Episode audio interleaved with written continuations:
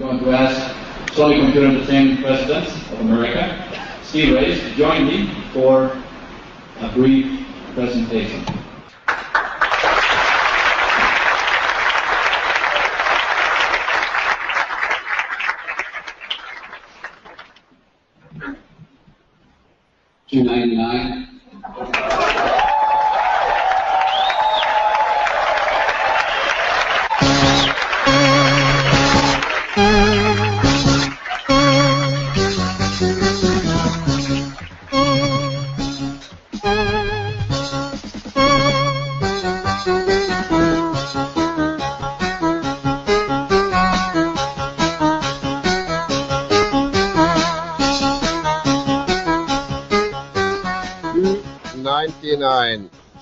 Lars og Magnus, velkommen til Lolbua. Velkommen til dere lyttere. Og 299, hva var det vi hørte i introen her? E3 Hype Train! Det er E3 Hype Train, ja. Men hva, hva har introen med E3 å gjøre? E3 Hype Train!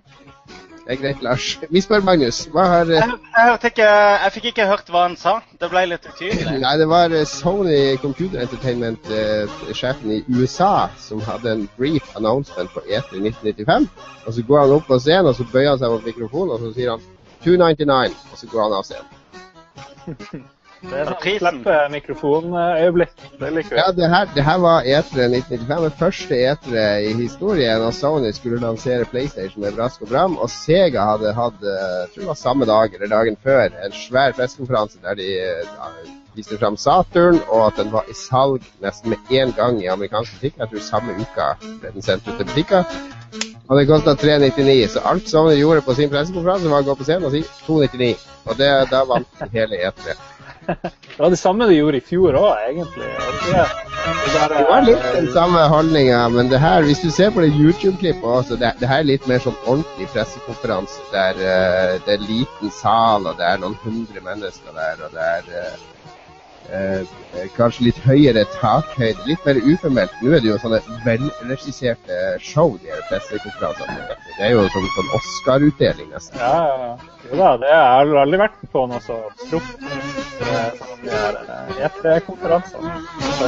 Sony har jo litt mer partystemning, eh, Microsoft ofte har litt sånn eh, påklistra amerikansk grusomme greier, egentlig stor forskjell på de her eh, greiene. Har det, jeg har vært på E3 i gamle dager når Activision hadde pressekonferanse og sånn, og det var i en sånn her eh, i en sånn konferansesal på et hotell, liksom, der vi var 200 journalister som satt og hørte så på Peter Molyneux eh, spille The Movies og litt sånne ting. Det var liksom som å være på jobb. Det, det var ikke noe sånn regi, og han leste ikke opp noe sånn stramt manus og sånn. Det var, var liksom klar for spørsmål fra salen og sånn. Egentlig så foretrekker jeg jo det. Var det da E3 krympa det året, eller de to årene? Nei, det var før. Det, det er ti år siden. Det var litt før Nei. det, tror jeg. Men da hadde alle Konami òg hadde sånn egen presentasjon og sånn. Men nå har alle de, føler jeg, nesten gitt opp. De har sånn pre-E3-show. Namco Bandai har sånn pre-E3-event noen uker før og sånn. Mens det er kun Ubisoft, EA Sony og Microsoft nå som orker. Nintendo har jo kasta seg ut av de her eh, showene. Men de har slutta å kalle det pressekonferanser nå, eller, eller er det fremdeles det er Mediabriefing, er det ikke det de kaller det? Jo, men det er jo egentlig ikke det heller, er det det? Det er jo bare, det er jo bare et show. Jeg tror etter at de begynte å streame de live på nettet til alle som vil, så har de laga de for eh, fansen i stedet for media. Før var det mye sånn Ja, før var det mye sånn salgsslides og statistikk og ja. litt sånne ting òg på de. Ja, det var fordi vi var på de europeiske Sony-stasjonene. ja, Sony Europa og Sony USA har jo en, eh, en historie med, med, mye fiendeskap og misunnelse. Så det, det, i mange år så insisterte jo amerikanerne på at europeerne måtte lage sine egne presentasjoner på E3. Jeg husker vi, vi ble gjeta inn på den uh, europeiske uh, PlayStation 3-annonseringa. Uh, hva var det, i 2006? Nei. Ja, fem eller seks. Det var når de fortsatt hadde den der banankontrolleren. Ja, ja, riktig. Og... Men det var jo en fantastisk europeisk, for da var det jo sånn 500 fra Europa der. Og da satt jeg jo på fremste rad rett attmed Ken Kutaragi, som satt og venta på å gå opp på scenen. Det var, det var, det var mye da... sånn intimt og, og, og vennskapelig. Der satt vi en og en halv time og så på grafer. Husker du det? Da de Ja, viste ja, det er derfor jeg er der. Grafer er jo mitt, uh, mitt livsgrunnlag. Og så viste de den der Killzone-filmen. Og så viste de uh, badeender i badekaret. Og så en Å, sånn badeender. Jeg håper det blir badeender i år. Ja, det må være det. For sendinga i dag er jo eh, som sagt en pre-etre En pre-tre spesial. Det var det jeg skulle spørre. Hva er det vi skal snakke om i dag, egentlig? Ja, vi skal snakke om etre, fordi uh, Oi! To, av oss har eh, Tre av oss har sommerfugler i magen. Den ene har sommerfugler fordi han lurer på hva han får på alle eksamenene han har nå for tida. Mens vi to andre har sommerfugler fordi på søndag så setter vi oss på eh, på flyet til, først til Amsterdam, og hvis vi overlever Amsterdam Vi skal tross alt være der i fire timer, og meg og Lars i lag i Amsterdam, det kan bli en katastrofe. Så hvis vi rekker flyet fra Amsterdam til Los Angeles, så havner vi på etere til slutt. Dere flyr til USA for egen maskin, tenker jeg, ja. That's The sound of the police. Ja, det kan bli heftig, det. Så, så vi skal på etere, og vi tenkte å vie denne sendinga litt til etere. Eh, hva vi forventer, hva vi tror, hva vi eh, er redd for. Eh, hva som kommer til å bli vist, osv., osv. Og så tar vi jo gjerne imot uh, tips fra våre lyttere til hva de mener vi bør gjøre på E3. Fordi jeg har, jeg har et sånn relativt stramt program, men Larsson har vel ikke en skit uh, på programmet. Nei, det, det er rimelig Det blir Jeg blir invitert til å se et helt nytt og uannonsert spill som skal annonseres under etere, sånn AAA-tittel, så det, det skal jeg på. Men uh, Har ellers har jeg ikke sånn voldsomt mye. Nei, men de- du kan ikke gjøre for mye seriøse ting. Vi skal jo uh, Vi har jo et uh, entourage. Hvor mange er det vi som drar? Vi er elleve. Elleve? Det er helt Det er bare vi to som skal på messa, da. Så ellers så har vi de andre her der for å massere oss og pleie oss mellom eh, messeslagene helt til vi er ferdige. Da har vi noen dager med avslapning. Det kan være skummelt i LA, så vi trenger noen bodyguarder og litt sånne ting. det gjør det. Det Det er lett det. å gå feil i LA, altså. Det er liksom hele veien. Du er bare ett kvartal unna supertrøbbel. Det er mitt inntrykk hver gang jeg har vært i LA. Så, har jeg, så sier folk ja, hvis du går til høyre her, så dør du. Venstre her så er alle de rike, og her er det 100 trygt. Altså. Hvem var det? det var, jeg husker det var Frode Haugen og Rune Fjell Olsen. Da var Frode vel eh, TV 2, og Rune var som vanlig VG. Mhm. De gikk ut fra messesenteret, og så gikk de til høyre, mens alle andre gikk til venstre. Og på vei over gata så var det bare en sånn stor sånn her Samoan, svær, svart dude, da. Som bare De var på vei til å krysse gata, og han bare gikk mot dem, og så bare tok han ut armene og bare stoppa de og snudde de, og så leda de tilbake igjen. Og var sånn Nei, nei. Ja, så bra. Vi skal jo, vi skal jo oppsøke Samoan Mafiaen når vi er der, så det kan bli litt interessant. Ja, vi skal prøve å lage en reportasje om Buya Tribe når vi først er der, og finne Gangsta Rid. Og, og, og eh, hva er, hva, Jeg husker ikke hva det heter alle, men det er jo eh, Det er en, eh, en Lolboa-klassiker, Buya Tribe. And told them peace was over! Visste du forresten at eh, to av Buya Tribe har vært stemmeskuespillere i GTA? Det er sånn. Har de det? ja? Ja, bare som sånn der pedestrians, uh, gangster, et eller annet. Ikke noen sånne der, eh, navngitte roller. Åh, Buya Tribe er jo så bra. Så kan vi ikke spille litt Booyah i dagens sending? Jo? Da har du Nei, jeg prøver prøver å ikke- unngå de der copyright infringement-sendene til uh, Google. Så, så hver gang jeg er i nærheten av kommersiell plateutgitt musikk, så dukker det opp sånne pop-ups i hytt og pine. Men hvis vi spiller sånn fem sekunder, det tror jeg går bra. Det tror Ja, fem sekunder pleier å være grensa, men eh, Ta det med ro. Jeg skal sende deg en link underveis. Du okay, Ok, får ok. lyst, så, uh, Vi må i hvert fall gyter det neste uke. Altså det, det skal uh, Vi kan snakke litt om hva vi har tenkt å gjøre der borte, Lars. Det er jeg jo spent på, for det har ikke vi snakka om på forhånd. så, Så folk vet hva de kan forvente av oss. Uh, vi- min det- Ja, fortell. Ja, Vi kan ta det etterpå, fordi det er neste uke. Og vi starter jo alltid sendinga med å snakke om hva vi har gjort forrige uke. Hva har vi gjort før denne Nå er det tre uker siden Magnus har vært med, så nå tenker han har mye spennende å dele med oss. Uh, tror du det? Tror du virkelig at jeg har Det var sarkastisk sarkast... Hørte du ikke mitt sarkastiske nordnorske toneleie? Jon Cato, du har ett toneleie. Så det er noen ganger litt vanskelig Constant å tyde sarcasm. Ja, det er det det går i. Jo, jeg har hatt uh, tre eksamener så langt. Uh, begynner å bli en smule sliten, sikkert. Um, det er helt vilt. De, eh, det er ikke så vanskelig, det er greit nok. Jeg tror jeg har skåra greit på alle tre. Uh, men de har plassert alle inn i en sånn svær tennishall med tusenvis av mennesker i. Der de det er folk på som spiller tennis samtidig. Det er ganske masse folk som. Ja, det er halvparten er oppe til det, tenniseksamen. det er sånn ballutskytemaskin som går konstant, så dere plutselig kan få en ball i hodet og sånn. Det er sånn ekstra utfordring på eksamen. Nei, men det som er greia er at de, de kjører ventilasjonen på fullt um, frem til uh, eksamen begynner, og så skrur de av ventilasjonen for ikke å forstyrre oss. Uh. Uh, så alle sitter og drypper av svette i slutten. da. Og eh, en er liksom litt på sånn besvimelsesstadiet etter fem timer. da. Det, det er ganske intenst. I tillegg så leste vi faktisk opp over høyttaleranlegget at eh, de anmoda folk til ikke drikke så mye vann fordi det var så få doer, så det ble så mye kø. Og der inne sitter det da tusenvis av elever og, og eh, stresser og har selvfølgelig litt høyere um, puls enn normalt. Og svetter kanskje litt ekstra, og da hjelper det ikke at det er 30 grader i rommet. Så det er jo når, når jeg hadde eksamen, så var det sånne pensjonister som var sånne dovakter. Ja, ja. gå på do. Er det sånn Ja, det fortsatt? er de. Ja, det er millioner av det. Det skal jeg bli når jeg blir pensjonist. Ja, det virker, det virker veldig bedagelig. Jeg er litt i tvil på om de får betalt for det. Eller om de bare syns det er så greit å være i kontakt med ungdom. Jeg tror de får litt betalt. Ja, de gjør det, ja. Men det det er ingen under 60 der. Jeg vil kanskje våge å si at det er under men det er mange pensjonister Ja. som går hjem og kjeder seg hele dagen. Så det er jo klart Ja, at det er morsommere å kunne bidra litt og gjøre noe. Jo, men hvor kreativ er du hvis du liksom Du går mot den ene aktiviteten. Det er den jeg, du jeg, graviterer du på, jeg har jo faktisk vært eksamensvakt, for da jeg var hjemme i Harstad, kom hjem tidlig fra universitetet et år, og da var det masse eksamener på ungdomsskolen der. Og da, da Jeg fikk noen hundrelapper betalt hver dag for å sitte eksamensvakt. Men det var jo bølgende kjedelig. Men det var jo som fattig student, så var det helt greit. Ja, jo, jeg ser det.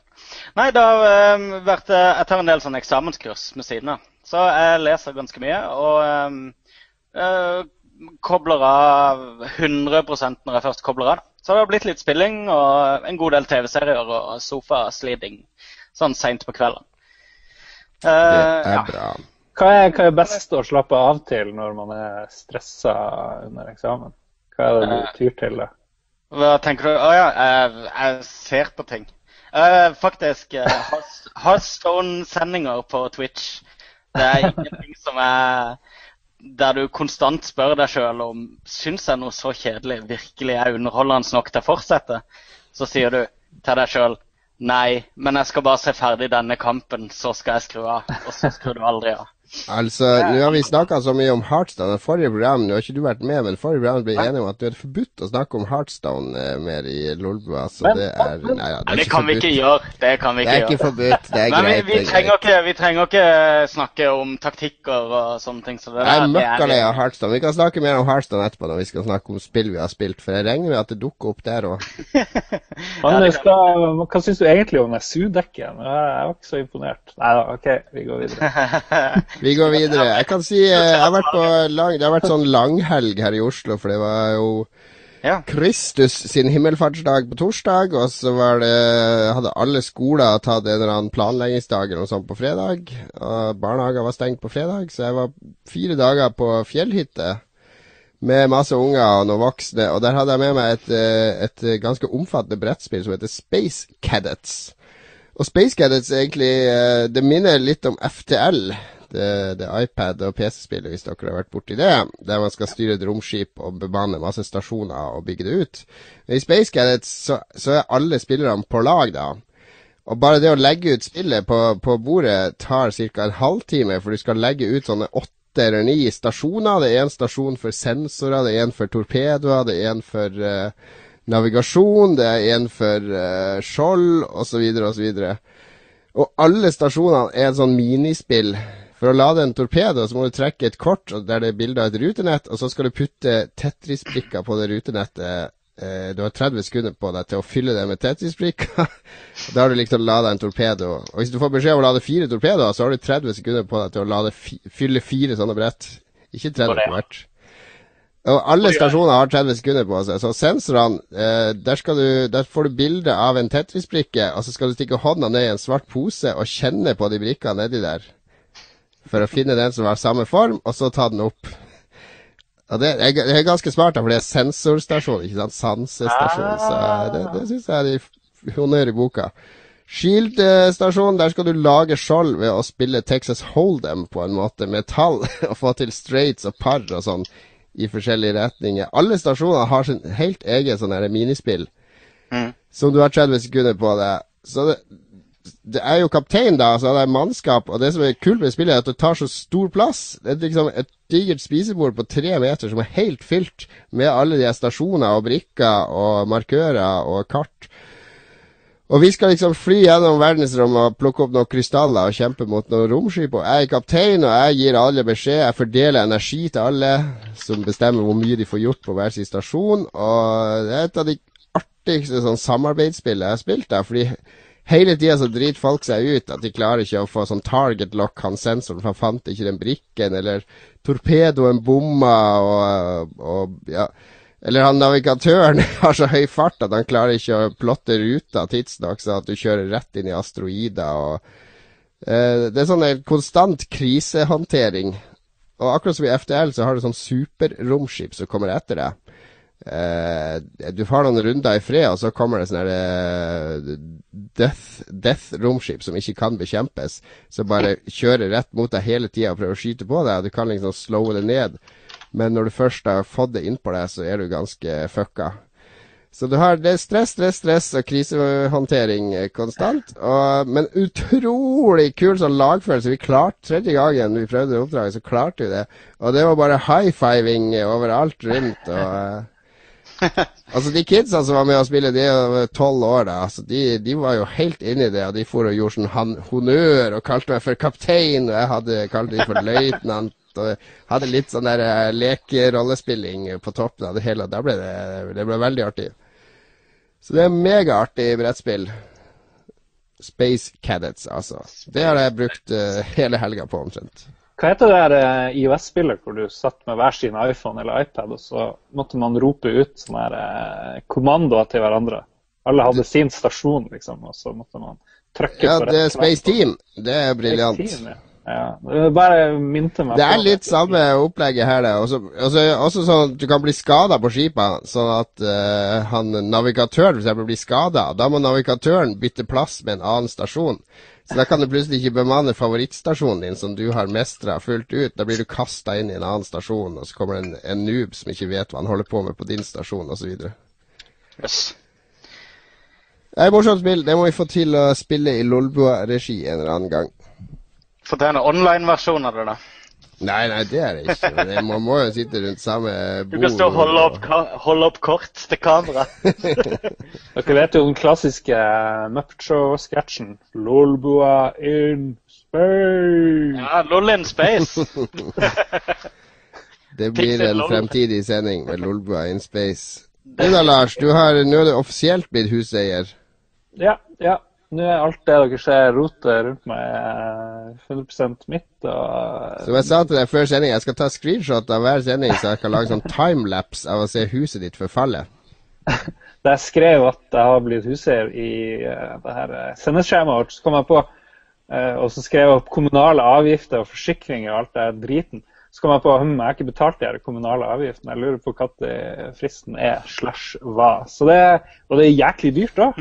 Plutselig betaler jeg eiendomsavgift. Og jeg tror jeg blir Frp-er nå ganske. Det er som de sier, han faren sier i Freaks and Geeks Everyone's a democrat until they get money. Så så så jeg at det var masse rot. Det er litt sånn støvete på gulvet. Er, jeg vet ikke. Du blir å ligge søvnløs om natta og bekymre deg for sopp under gulvplankene i Ja. kjelleren, og eh, råte her, og Hele, Ja, all, det- all ferie går med til vedlikehold og maling og beising og Har du kleppa plen da etter du blir huseier? Nei, men jeg har kalka. Men jeg har 281 kvadratmeter da, til sammen, fant jeg ut da jeg skulle ha forsikring. Det er litt for mye. Det er litt for mye. Hvordan Du blir man få deg noe sånn kvadratmeter? Flittig student fra Gryte eller noe sånt og leie der nede. En som kan male og klippe plen og gjøre sånn. Du gir han litt sånn redusert husleie mot eh, vedlikehold.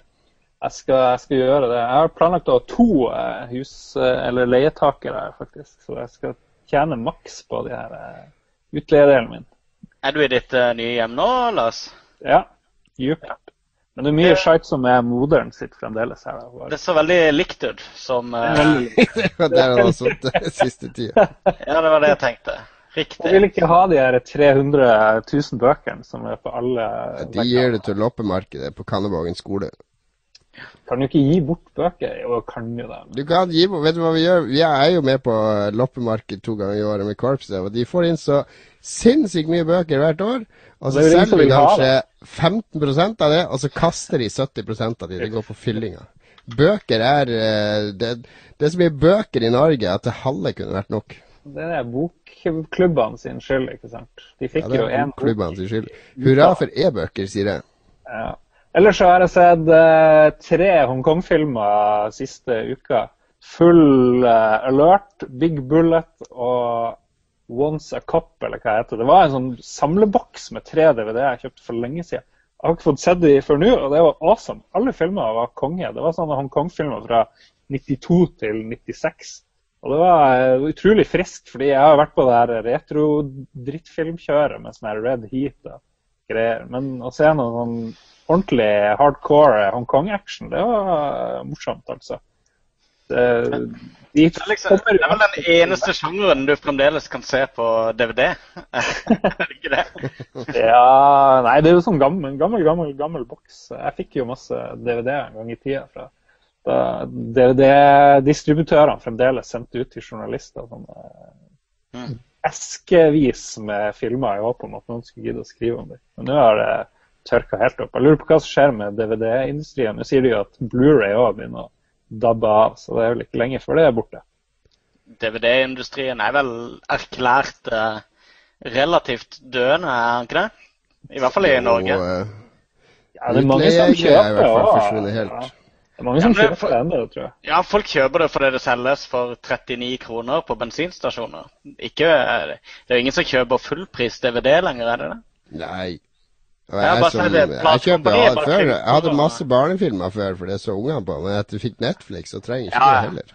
Nei. Nei. Netflix er ca. DVD-kvalitet, føler jeg, så eh, det kompenserer greit. Men det er jo veldig begrensa utvalg da på Netflix. og de her Jo, men de, ungene trenger ikke masse utvalg. De ser det samme på nytt og på nytt og på nytt. De har sett de samme seriene på nytt og på nytt og på nytt, og de finner nye serier hele tida. Så det Ja, men jeg, er tenker på, jeg tenker på meg sjøl, da. Jeg, Ja, Hvis du har muligheten til å eh, hoppe mellom nasjonaliteter, så ja, du må ha amerikansk òg. Ja, du må Ja, på du- britisk og amerikansk og brasiliansk, faktisk. Merkelig men du det er veldig lite, egentlig. hvis Du, du blir fort lei, også den amerikanske, syns jeg. For de veksler jo ut. selv. De blir jo ikke liggende der til evig tid, de filmene. Det kommer er jo mye, og så forsvinner det. Så hvis jeg vil se Men det er jo Bullet eh, en gang til, så er det jo det eneste muligheten er å finne min gamle DVD, liksom. ja. Jo, det Problemet ditt, Lars, det er at du trenger unger og familie, sånn at du ikke har anledning til å sitte og se de filmene tre og fire ganger og klage over det utvalget. Jeg vet, jeg vet med sikkerhet at jeg kommer aldri til å se alt som er på Netflix uansett, så eh, tida strekker ikke til, rett og slett. Så for mitt formål så er det helt ideelt. Jeg flytta hele DVD-samlinga mi ned i boden for en måneds tid siden. Og det var, det var merkelig befriende. Men det var en, Det har, en, det har en bag gjort. med DVD som forsvant. Så det var vemodig, men eh, Nei, det gjorde ingenting, egentlig. Det var verre å pakke ned CD-en. De er også i boden nå. Det var De er borte for lengst. Og bøker. Jeg pakka ned det meste. Ja. CD-er gjør litt for meg, for det der jeg har liksom en del sånn her eh, Det er litt affeksjon i de tingene. Jeg sitter mange timer og, og lest i coveret mens jeg har hørt på musikken når jeg var yngre. og Sett på bilder og lest på Jo, men en gang i livet så må man jo pakke ned Knut Snorre Ja, ja. Ludvigsen-CD-ene sine, Magnus. ja, jeg, jeg har, jeg har Knutsen og Ludvigsen-CD-er også, så det er ingenting å skjule akkurat der. Men eh, akkurat der med musikken så var det litt vemodig. Jeg syns ikke at de streamingtjenestene helt har fylt hullet akkurat der. Det får nå være Sånn så. er. Nå, nå skal vi snakke om E3, Lars. Woohoo! Hype Train! Eller E2, siden det bare er to av tre i Lolbua som drar. Ja, E2, som jeg, meg og Lars skal på. Em, vi reiser over søndag, og da skal vi egentlig slenge oss rett i leiebilen vår og bort og hente badges og armbånd og drit og lort for at vi skal være klar på mandag. Fordi mandagen er jo det er den store E3-dagen i mine øyne. da. Det er da vi først drar til Microsoft tidlig om morgenen, og så skal vi lide oss gjennom Usher og hva annet de dytter opp på scenen. Uh, sikkert en halvtime med litt Kinect. Og jeg regner med i hvert fall 45 minutter, minutter via til TV-funksjonaliteter. Og så får vi kanskje se noen spill på slutten. Så er det rett fra Microsoft. Da må jeg finne en bar eller en eh, strippejoint til Lars. Så slipper han av der, og så drar jeg opp på eh, EA sin pressekonferanse. Eller kom du deg inn på den, Lars? Nei, Jeg har ikke gidda å spurt. Ja. Da, da, da drar jeg på den, og så drar jeg rett til Ubisoft sin. Og så drar jeg plukke opp Lars fra Rennestein, et sted i South LA, der han ligger med en flaske whisky. Eh, drar han inn i bilen, og så kjører vi til Sony sin gigantiske pressekonferanse. Der får vi litt street food og litt eh, drikke. Og slapper av litt i sola før vi går inn, og så ser det sånn to timers eh, kavalkade med PS4 og PS Vita-spill, regner jeg med, og kanskje litt TV-funksjonaliteter og annet der òg. Det er jo det vi skal spå i. Ja, Det blir altså- en mega, det er den dagen da som liksom legger lista for resten av etere. Det er der Sony og Microsoft inviterer inn Square Enix og, og, eh, og Capcom og Sega og alle på scenen for å vise spill. Gjerne eksklusive spill, det er ikke så mange av de lenger, men de, de får i hvert fall inn folk på scenen. Kanskje dukker Rockstar opp. Gabe Newell dukka jo opp hos uh, Sony et år. Uh, det er der alle de spennende annonseringene kom. Hvis det er igjen noen annonseringer, da. Det er så mye som har blitt lekka allerede, men uh, vi får se. Ja, vi skal jo spå litt her. Men, men er vi ferdige på den mandagen, da? Vi må Da er alle de greiene ferdig. Vanligvis så var, ble det å være Nintendo på tirsdag morgen, og det pleide å være en hyggelig start på dagen, men de har droppa den eh, Det gjorde de vel i fjor òg. De kjører sånn her eh, eh, Nintendo Direct-sending i stedet, og det, det er for så vidt helt fornuftig, siden alle de her showene er sånn er til fansen uansett. Ja.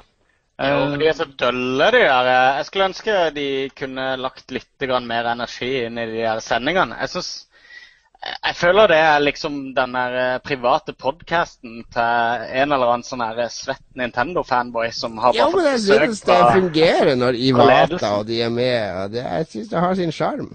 Jo, men de kunne gått Litt production value er jo ikke å forakte, er det det? Ja, så dårlig syns jeg ikke det.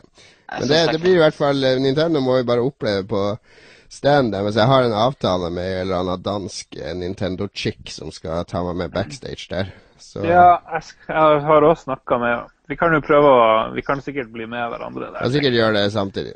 Ja, eh, br- br- men Og da er Sony er ferdig Det bruker jo være sånn konsert og mye drikke og sånt etter Sony sin. Jeg håper det er i år òg. Så da er det sikkert ferdig sånn? Så er det sikkert ferdig sånn syv-åtte-tida på kvelden. Er det på mandag? Det er ferdig i ni-ti-tida. Vi er ikke tilbake på hotellet for elleve-halv tolv, så det er en eh, knallhard dag den mandagen. Ja. Så er vi òg invitert på noen sånne her, eh, Microsoft-greier på kvelden, tror jeg. Men det rekker Ja, det er samtidig som Sony omtrent, så vi får se om vi rekker det. Ja. Ah, coincidence? Og så er det tirsdag. Tirsdagen begynner Tirsdag Tirsdag åpner ikke messa for tolv, tror jeg. Er det det? OK. Det pleier å være det. Men det vi må gjøre da på um, mandagen, det er å ta opp en del ting.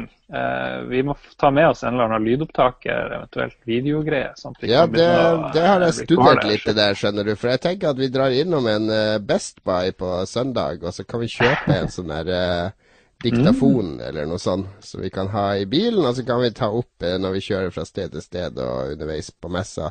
For da får vi lydfiler som vi bare kan legge rett eh, inn i Audacity og bare klippe kjapt og legge ut på nett. Ja, det høres bra ut. Så tenkte Da jeg skal skulle dere, kjære lyttere, få eh, all den beste eterinformasjonen, all den usensurerte, ufiltrerte og best begrunna kommer jo selvfølgelig fra Lolbua. ja, Selvfølgelig.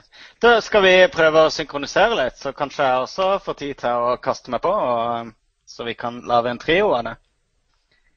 Vi får se. Vi får se. Det blir jo eh, Jeg tror ikke vi tar opp noe live, eh, Magnus. Jo, Jeg tror vi bare tar opp på, eh, når vi sitter i bilen og sånn. Ja. Så det ble dere, ja? OK, greit. det. Ja, for da er vi er nett, så Jeg skulle ha vært der de to andre gangene, ja. Jeg merker det. Jeg merker at jeg blir skjøvet ut her. Vi har planlagt mye når du ikke du har vært her, vet du det. Jeg merker det. jeg merker det. Stemmer på ting og sånn. Øy, vi stemmer på det nå. Vi stemmer. Ok, ok, ok. Men tilbake til, eh, til E3 igjen. Hva er det, du, hva er det vi gleder oss mest til der borte, eh, Lars? Nei, jeg vet ikke. Vi kan jo Ja, hva gleder vi oss til? Um, nei, det er jo som du sier, det er jo mandagen det skjer uh, ting. Da kommer de store nyhetene. Men så er det jo litt gøy, eh, så lenge det er gøy, å trø rundt på messeområdet hvor det er altfor mye lyd, altfor mye folk. Eh, du blir sliten, og det er langt mellom hallene. Og så vet Jeg har ikke Jeg, har noen avtaler, sånn bitte litt, men eh, det er jo de der spillene som du ikke kanskje vet om, som er gøy. Husker da jeg så Journey, det visste jeg ikke noe særlig om. Da jeg plutselig bare ramla inn på et sånt bitte lite rom hvor uh, de her uh, Jeg husker ikke hva heter selskapet som lager det. That Game Company. Ja, De hadde en sånn liten greie, og så bare ble jo blown away. fullstendig. Det er helt sant. Det, det, det, er, det er absolutt det som har vært mine høydepunkt de siste årene nå. Når for eksempel jeg står og venter på en Batman-visning. ikke det nyeste Batman, men det forrige. Eh, det, det, det siste fra Rocks. Det er Arkham City. Jeg venta på det, det var liksom et kvarter til det begynte. Så han der PR-sjefen til Warner, da, han bare tok meg i armen og sa Instead of waiting, take a look at this when you wait. Og så stilte han meg opp at jeg aldri har sett før. Hey, uh, this is the producer for this game. Talk to him, and I'll come get you when Batman starts. Og det var han eh, Greg eh, Kasavian som sto der, fra de som laga Transistor nå. Men det var jo Bastion, da, som de hadde med der, da. Og da sto jeg og spilte Bastion i ti minutter, mens han Greg Kasavian, som jo jeg kjente navnet fra, fra før, for han var vel i, uh, i GameSpot i mange år. Han var ganske anerkjent journalist før han begynte å lage spill. Så sto jeg og prata sånn, bare helt sånn løst og fast med han om spillet og hva han hadde gjort, og teamet. Og det var jo masse folk som tidligere hadde jobba på Command and Conquer. De var bare seks stykker. Og i kjelleren hjemme hos han så satt de og laga spill. og ja, det, og det var en kjempebehagelig opplevelse bare å få snakke fritt med en fyr som har laga spill, mens du står og spiller spillet hans. Så det var det beste minnet mitt fra E3 det året. Det var Bastion. Fordi Ja. det var helt uventa. Har du spilt mye Har du runda dere transistor, da? Det gjorde sikkert ikke du, Magnus. Nei. Det har jeg ikke. Jeg har ikke runda det sjøl, i hvert fall. Men det, det er bare, bare de få timene jeg har spilt av det. Det er litt sånn at jeg har lyst til å spare det spillet. Ja, jeg spilte mye, jeg elsker det. Fordi du kommer inn i en sånn her uh, transe og flyt. Eller kommer inn i en transe, er ikke lov å si egentlig. Men eh, du kommer inn i en sånn flyt og en sånn mental tilstand når alt begynner å klaffe, og du skjønner, uh, skjønner det systemet veldig godt. Og hele den verden er så utrolig sånn hypnotiserende og forførende. Det er så deilig sted å være i den der eh, alle de rette vinklene og neonfargene og Jeg, jeg, jeg syns det er et strålende, strålende spill. Ja, Det er beste spillopplevelsen jeg har hatt i år, kanskje. Kommer ikke på noe, bortsett fra Heartstone, men det er jo mer sånn addiction. det der. Kommer ikke inn Vi er på eteren når vi sparer det der Heartstone-maset deres. Å, hør han, nå er det vårt. Det nå er jo Ja, tatt- nei, jeg, ja, vi skal ta det etterpå. Jeg skal, vi kan snakke om det etterpå. Skal vi, skal vi gå gjennom de tre store og spå litt?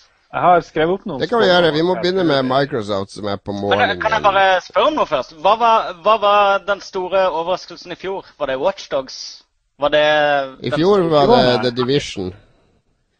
Ja, var det det? Ja, Ja, Watchdogs var i forfjor. Var det i Mm. forfjor? ja? Ja, riktig. Ja, Division imponerte, men det er litt sånn samme lureriet som vårt. Det er jo bare lureri. Det er jo Ja. luftslott og illusjoner og røyk Ja. og speil og Men Watchdog skal vi snakke om etterpå. Ja. Dere har kanskje allerede snakka om det, dere? ja vi kan snakke mer om Watchdogs. Det er greit. Eh, ja, men vi begynner hos Microsoft, og da sitter vi i salen hos Microsoft. Hva er det vi tror vi får se? Jeg tror eh, at vi får se en pressekonferanse eh, Nå sa jeg jo tidligere at det ble masse tema dit og datt. Jeg tror vi får se spill, spill, spill, spill, spill og atter spill. Kinect nesten ingenting. Noen få ting.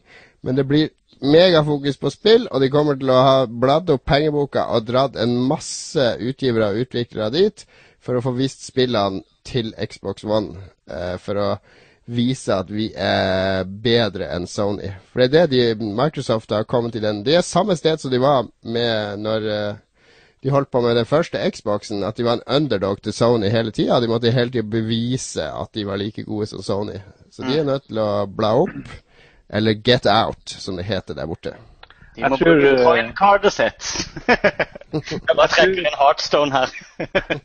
Jeg tror, eh, jeg tror uh, George Bush eller uh, en eller annen sånn erkeamerikaner kommer til å dukke opp. For de, de må jo gjenerobre USA. ikke sant? De har jo begynt å tape litt. Bort Ja. der, så de tror de må, får både George Bush og Obama opp på scenen. Så har de både republikanerne og demokratene på scenen som endorser Xbox One. Og så kliner de samtidig som de fordømmer det. Så kommer Clint Eastwood og skyter. Her det, ja, ja.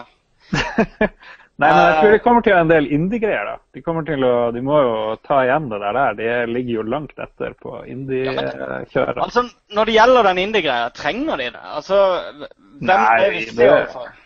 Nei, det er jo ikke viktig for bro-dudesen. Det er det jo ikke viktig for. Eller er det, ja, men er det viktig for 95% av markedet? Jeg spiller jo bare de her småspillene. Jo, men vi er jo ikke representative for Nei, nei, nei, 95 nei, av på ingen måte. Nei, men, nei, men nå, nå tenker jeg bare litt logisk her med hvordan Microsoft tenker. Ja, nei da, de kjører stort og kommersielt. Men de gjør nok plass til indie-folka nå for å vise De må vise de at de også er velkommen. For Ja. Sony har, har vist de at de er veldig velkommen hos Sony. Men Jeg jeg tror- tror de kommer til å bruke ganske mye energi på å, eh, eh, som Jon sier òg, med eh, spill, spill, spill, spill, spill og cred og alt dette her. Men samtidig så tror jeg de kommer til å gjøre en del sånn grep der de liksom eh, overunderstreker at men vi er fremdeles på den linja vi starta med. Så det, noen av de poengene de var med med den opprinnelige annonseringa, kommer de nok til å liksom fortsette å pushe. De kommer, til å vise, ja, de kommer til å vise noen sånne egenproduserte TV-serier. Kanskje Steven Spielberg dukker opp. Han skulle jo kommer det til å bli noe sånn sportsdrit, fordi du vet eh, I England eh, og USA så har du laga en sånn der eh, app til eh, fotball-VM. Så hvis du ser fotball-VM på Xbox One, så skal du få masse sånn her eh, statistikk og voice commandos og et eller annet. Det Jeg, jeg leste ikke helt saken. Det er, jo en, det er jo en fin integrasjon mellom Ja. Xbox One og TV, ikke sant? Det er jo hele ideen. Jeg Ja. fortalte det Og det, det må jo de gjøre for sånn amerikanske sportsligaer og NHL og, og NFL og alt det der også. Så det tenker jeg de kommer til å fokusere litt på. Blir det mulig for oss å laste ned den? eh, Nei, det gjør det ikke, for det knytter seg opp mot TV. Det er jo ikke det. Vi har ikke noe TV-støtte ennå, vi. Nei, det er sant. Men eh, ja, det var Microsoft. Ja, det er hvordan spill, hvordan spill Ja. tror du? Jeg tror Crackdown 3 kommer, eh, garantert. Og så kommer de til å vise det her Platinum, eller hva det nå heter, det japanske studioet sitt spill, som det ryktes at de har kjøpt eksklusivitet til. De må jo ha noe Japan-shit eh, på gang. Ja, de har jo Tradisjonelt sett så har de jo ikke vært så veldig harde på japanske, men eh, kanskje. Ja, Eh, det ble det første Og så blir det Call of Duty, og så tenker jeg at de drar Selveste Kevin Spacey kommer på scenen for å Ja, ja. eh, snakke Call of Duty. Uh, Det er min spådom. Det er min bankers spådom i år. Hvis ikke Kevin Spacey kommer på scenen, så skal jeg spandere en 20 dollars lapdance på Lars. Kevin Spacey, som har spilt PlayStation gjennom to sesonger med House of Cards. Jo, men han er jo i uh, Ja, ja, ja. Kan, altså, da kan du lage en spøk om det, og at nå har han gått Ja. over til Xbox og sånn. Ja, er Han har insistert på å spille Xbox i sesong tre av House of Cards eller noe. Ja, nettopp. Det kommer til å være et vanvittig spill i kulissene her for å få Kevin Spacey til Sony eller Microsoft. Det, Han blir shuttla rett til Sony etterpå. Han er med på begge pressekonferanser. ja, det er det han gjør. Sånn i ekte sånn stil, sånn som han der Underwood i serien. Han bare player de opp mot hverandre, så går, går han hjem med en PS4 og Xbox One i hver hånd. Må, å, å. As usual, I win. Gå hjem og spille Mario Kart. kommer de til å ha noen kjipe unger på scenen? Det bruker Microsoft å ha. Ja, De hadde det på den derre åh, det var grusomt E3 for Microsoft. Det var virkelig det verste de har hatt, tror jeg. Det er Kinect, Cirque du Soleil Look, I'm showet. playing! It's almost It's almost real! Oh. Nei, men nok Microsoft. Vi får, jeg tror Call of Duty òg får vi se på Microsoft. Ja, og, eh, men uh, nye Halo blir jo helt sikkert noe gameplay på, gjør det ikke det? Og eh, er Ja, noe- Halo og Call of Duty, kanskje Gears of War og Hva med noe GTA? Tror du de har noe tidseksklusivitet? Jeg tror kanskje en av de, GTA? Sony eller Microsoft, har klart å få annonseringa av Next Gen GTA 5. Ja. Uh, jeg håper det. Men den kommer på begge systemene, det tror jeg. Men en av de får, får det annonsere det. Det er nok sammen med en annonsering av en expansion i så fall, tror du ikke det? Ja, kanskje. Eller da, da, da tror jeg det blir en online expansion. Jeg tror ikke de kommer med noen sånn historie-expansion til det her.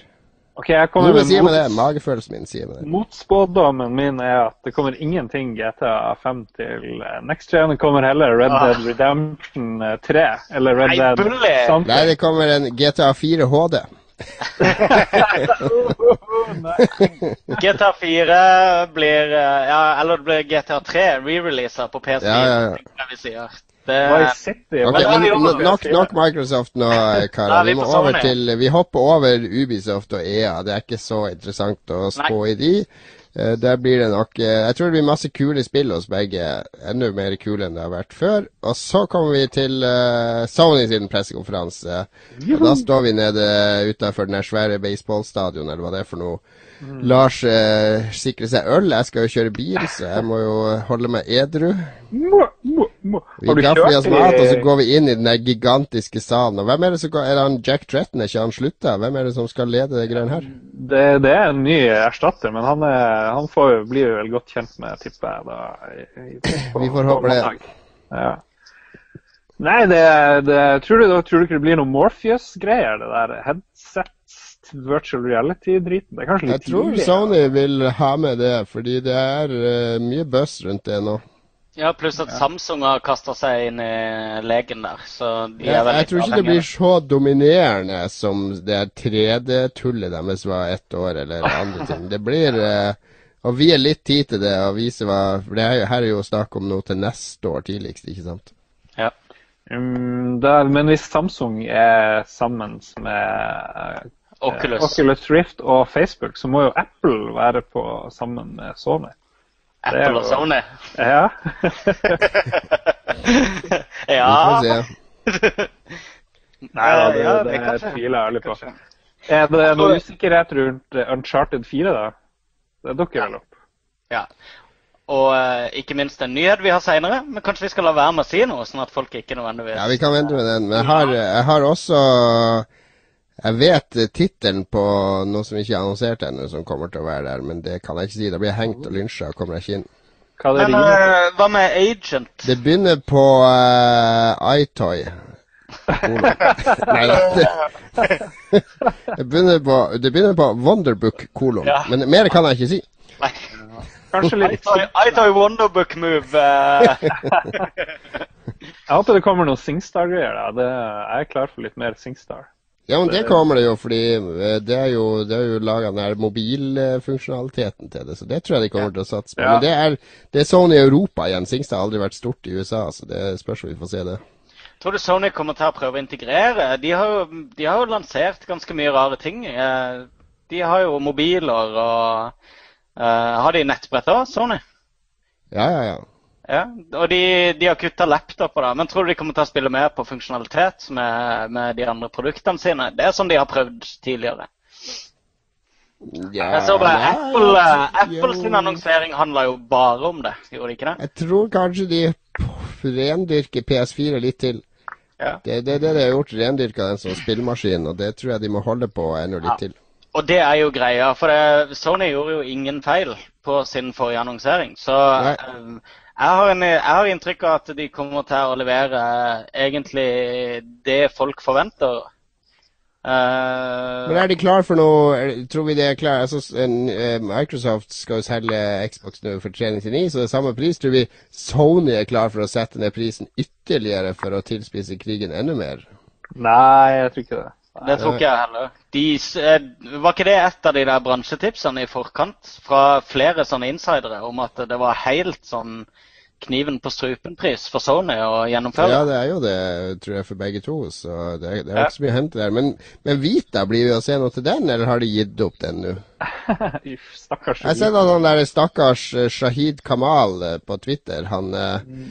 Vita, utrolig hyggelig Vita eh, markedsføringsdude som signer Han signer jo masse India til å lage Vita. Han har bare vært så utrolig stille de siste månedene. Ja, han driver og leter etter Han ny jobber.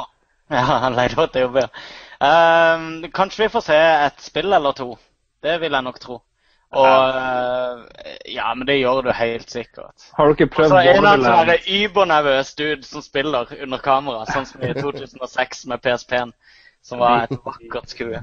Det dukker vel enda masse spill opp til Vita, så de kan, ikke gi, de kan vel ikke gi Ja, noe pep- digitalt gjør det jo det. Den har jo en del støtte, men jeg vet, jeg vet ikke åssen det går sånn økonomisk. Eh, og I Japan er den vel ikke så stor som 3DS heller, og Monster Hunter og sånn ligger vel på 3DS-en, så Mm. Jeg husker ikke helt, men jeg tror eh, PS Vita-salget sto for 3 av spillsalget i Norge, eller et eller annet sånt. Så, eh, fra den der forrige undersøkelsen som kom for ikke så lenge siden. Ja. Og det er Vita er Men hvis vi skal hoppe til dagen etter, og nå har jo ikke Nintendo noen eh, egen visning, men de Ja, har jo ja, allikevel en av de aller største stand-up på E3, og, og en av de tre store Hva får vi se fra Nintendo i år, da? Ja, men jeg er ikke helt ferdig med Sony. Ja, ja, Jeg ta må- litt mer Sony da, Lars. Jeg, Beklager, jeg slenger ut Nei da, jeg slenger ut Last Guardian som eh, bankers i år.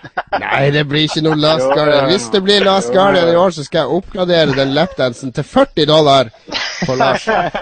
Da blir det, nå er du snart på Let it rain-nivå her. eh. Og så kommer Final Fantasy 15 til å være helt awesome. Det, det Blir det PlayStation eksklusivt? Uh, Nei, det tviler jeg vel på. Men det kommer jo på Sony sin pressekonferanse.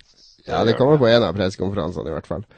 Men uh, ja, det Det var det, jeg- det, var det jeg hadde brygga inne med. Ok, ok. Men da, hvis vi skal hoppe rett over til Nintendo, da.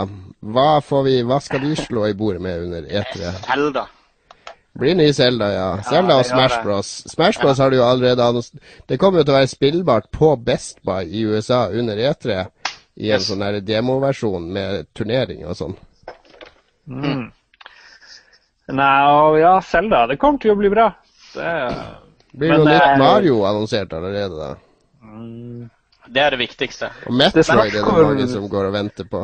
det spørs hvor pressa de er. ikke sant? De har kniven på strupen de luxe, så de må slå hardt til. Men samtidig så bruker de jo syv år på å lage et spill, så Men det er noen som har drevet spådd om at det skal komme, de skal komme De skal komme ny hardware, har det blitt sagt. Og noen mener at det blir en sånn Sånn som der eh, eh, Sony har laga en sånn eh, Vita Play-boks for Japan, da. Der du kan spille Vita og PSP-spill på TV-en din. Akkurat som en slags Apple TV-boks. Eh, så du kan bruke PlayStation-kontrolleren din på. Eh, noen har ment at de kanskje kommer med en sånn 3DS-type boks. En sånn streameboks der du kan strømme 3DS-spill på TV-en din. At det er det som er hardware-annonseringa. Ja, ja, det blir jo ikke å redde dem, i hvert fall. Tipper. Nei, det, åh, det er så uinteressant. Altså, 3DS-spillet er mye på av de håndholdte Ja, ja, det er helt greit. Men har du det behovet for å spille de spillene på TV-skjermen din? Nei, egentlig ikke. hele Det har jeg ikke. Men sånn som er Monster Hunter på, på VU, der har jeg jo, der har jeg spilt VU-versjonen på Wien, og så har jeg tatt med lagringsfiler på 3DS-en og fortsatt der, og så overført tilbake når jeg kommer hjem. Det er en kul funksjon. Og det er helt flott, for det er en kul funksjonalitet, ja. Men, men uh, en har jo stort sett, stort sett uh, nok uh, spill å spille på TV-en sin, i tillegg til de håndholdte. At, Man har jo det, da. Men jeg tror det her er Fordi den, den Vita-boksen òg er jo helt meningsløs i utgangspunktet. Men for det japanske markedet så er det attraktivt. Fordi der er det de Altså, det er bare håndholdt i Japan nå. Stasjonært er dødt. er riktig. Så, ja. Nei, Nei, men det det er vanskelig. Jeg klarer ikke å spå med Nintendo. Men det blir i hvert fall Det blir Pokémon, det er jo nye Pokémon-spill, og det er jo sikkert masse nye 3DS-spill òg. Og et par nye VU-spill, så jeg er fornøyd. Det det blir bare trist når jeg tenker på Nintendo, egentlig. Det... Du må koble opp, du må finne den VU-en din, Lars, og få spilt Mario Kart 8, for guds skyld. Ja, ja, jeg fikk jo den der kule boksen med ting og tang. Men tidligere E3-er har jo eh, eh, hatt en stygg tendens til å satse på eh, ting som kommer om eh, to-tre år. Eh, Ja, det blir nok enda mer av det i år. Tror du det? Dessverre. Eh, det var en tendens i fjor at det var veldig mye som, som, var lanser, som skulle lanseres før neste E3. Eh, jeg føler det er en sånn greie at folk vil heller ha det nå. Nå vil de ha sånne raske Apple-annonseringer om eh, One more thing. Sjekk under CD-et ditt. Der Ja, det er lov å håpe, men jeg tror, jeg tror de har gravd seg inn i, De har malt seg inn i et hjørne, ikke sant? for de har begynt å annonsere ting som er langt frem i tid. Og Ja. så kommer det neste etter og sier ja, men, ja, men vi har alt det her som vi snakka om i fjor. Vi må ha mer nye ting. Jo, men- jo men det er, så, det er så langt inn i framtida, så det blir bare verre og verre fra år til år. Så snart, om etter om tre år, så tenker jeg at de snakker om Da blir det jo å annonsere oppfølgere til spill som ennå ikke er lansert. så Ja. vi kommer til å snakke om oppfølgeren til det Halo-spillet som kommer til høsten. Må de annonsere på etere samme året, bare for å ha nok nye ting. Det blir en, en sånn ond, eh, selvforsterkende spiral. Eller expansions. Nettopp. Er det lov? Skal vi drive og er vi ferd med å bytte seanse her? eh, kapittel Ja, før vi nærmer oss nyhetsspalten vår. Ai, ai, nyhetsspalte! Er du klar? Er du klar, Magnus? Nå har, Lars har klart nyhetsspalten med bravur mens du har vært borte, så nå er jeg spent på om du klarer å hente den tilbake i den her også. Dette er jeg så skeptisk til. Jeg har til og med snakka nyheter på, med bløde konsonanter, bare for å liksom Ja, ja, ja, ja. Litt, jeg har laga apelyder i bakgrunnen for at det skal høres ut som vi sitter i Dyreparken i Kristiansand. Det var snilt av deg. Det setter jeg pris på. Nå kjører vi nyheter.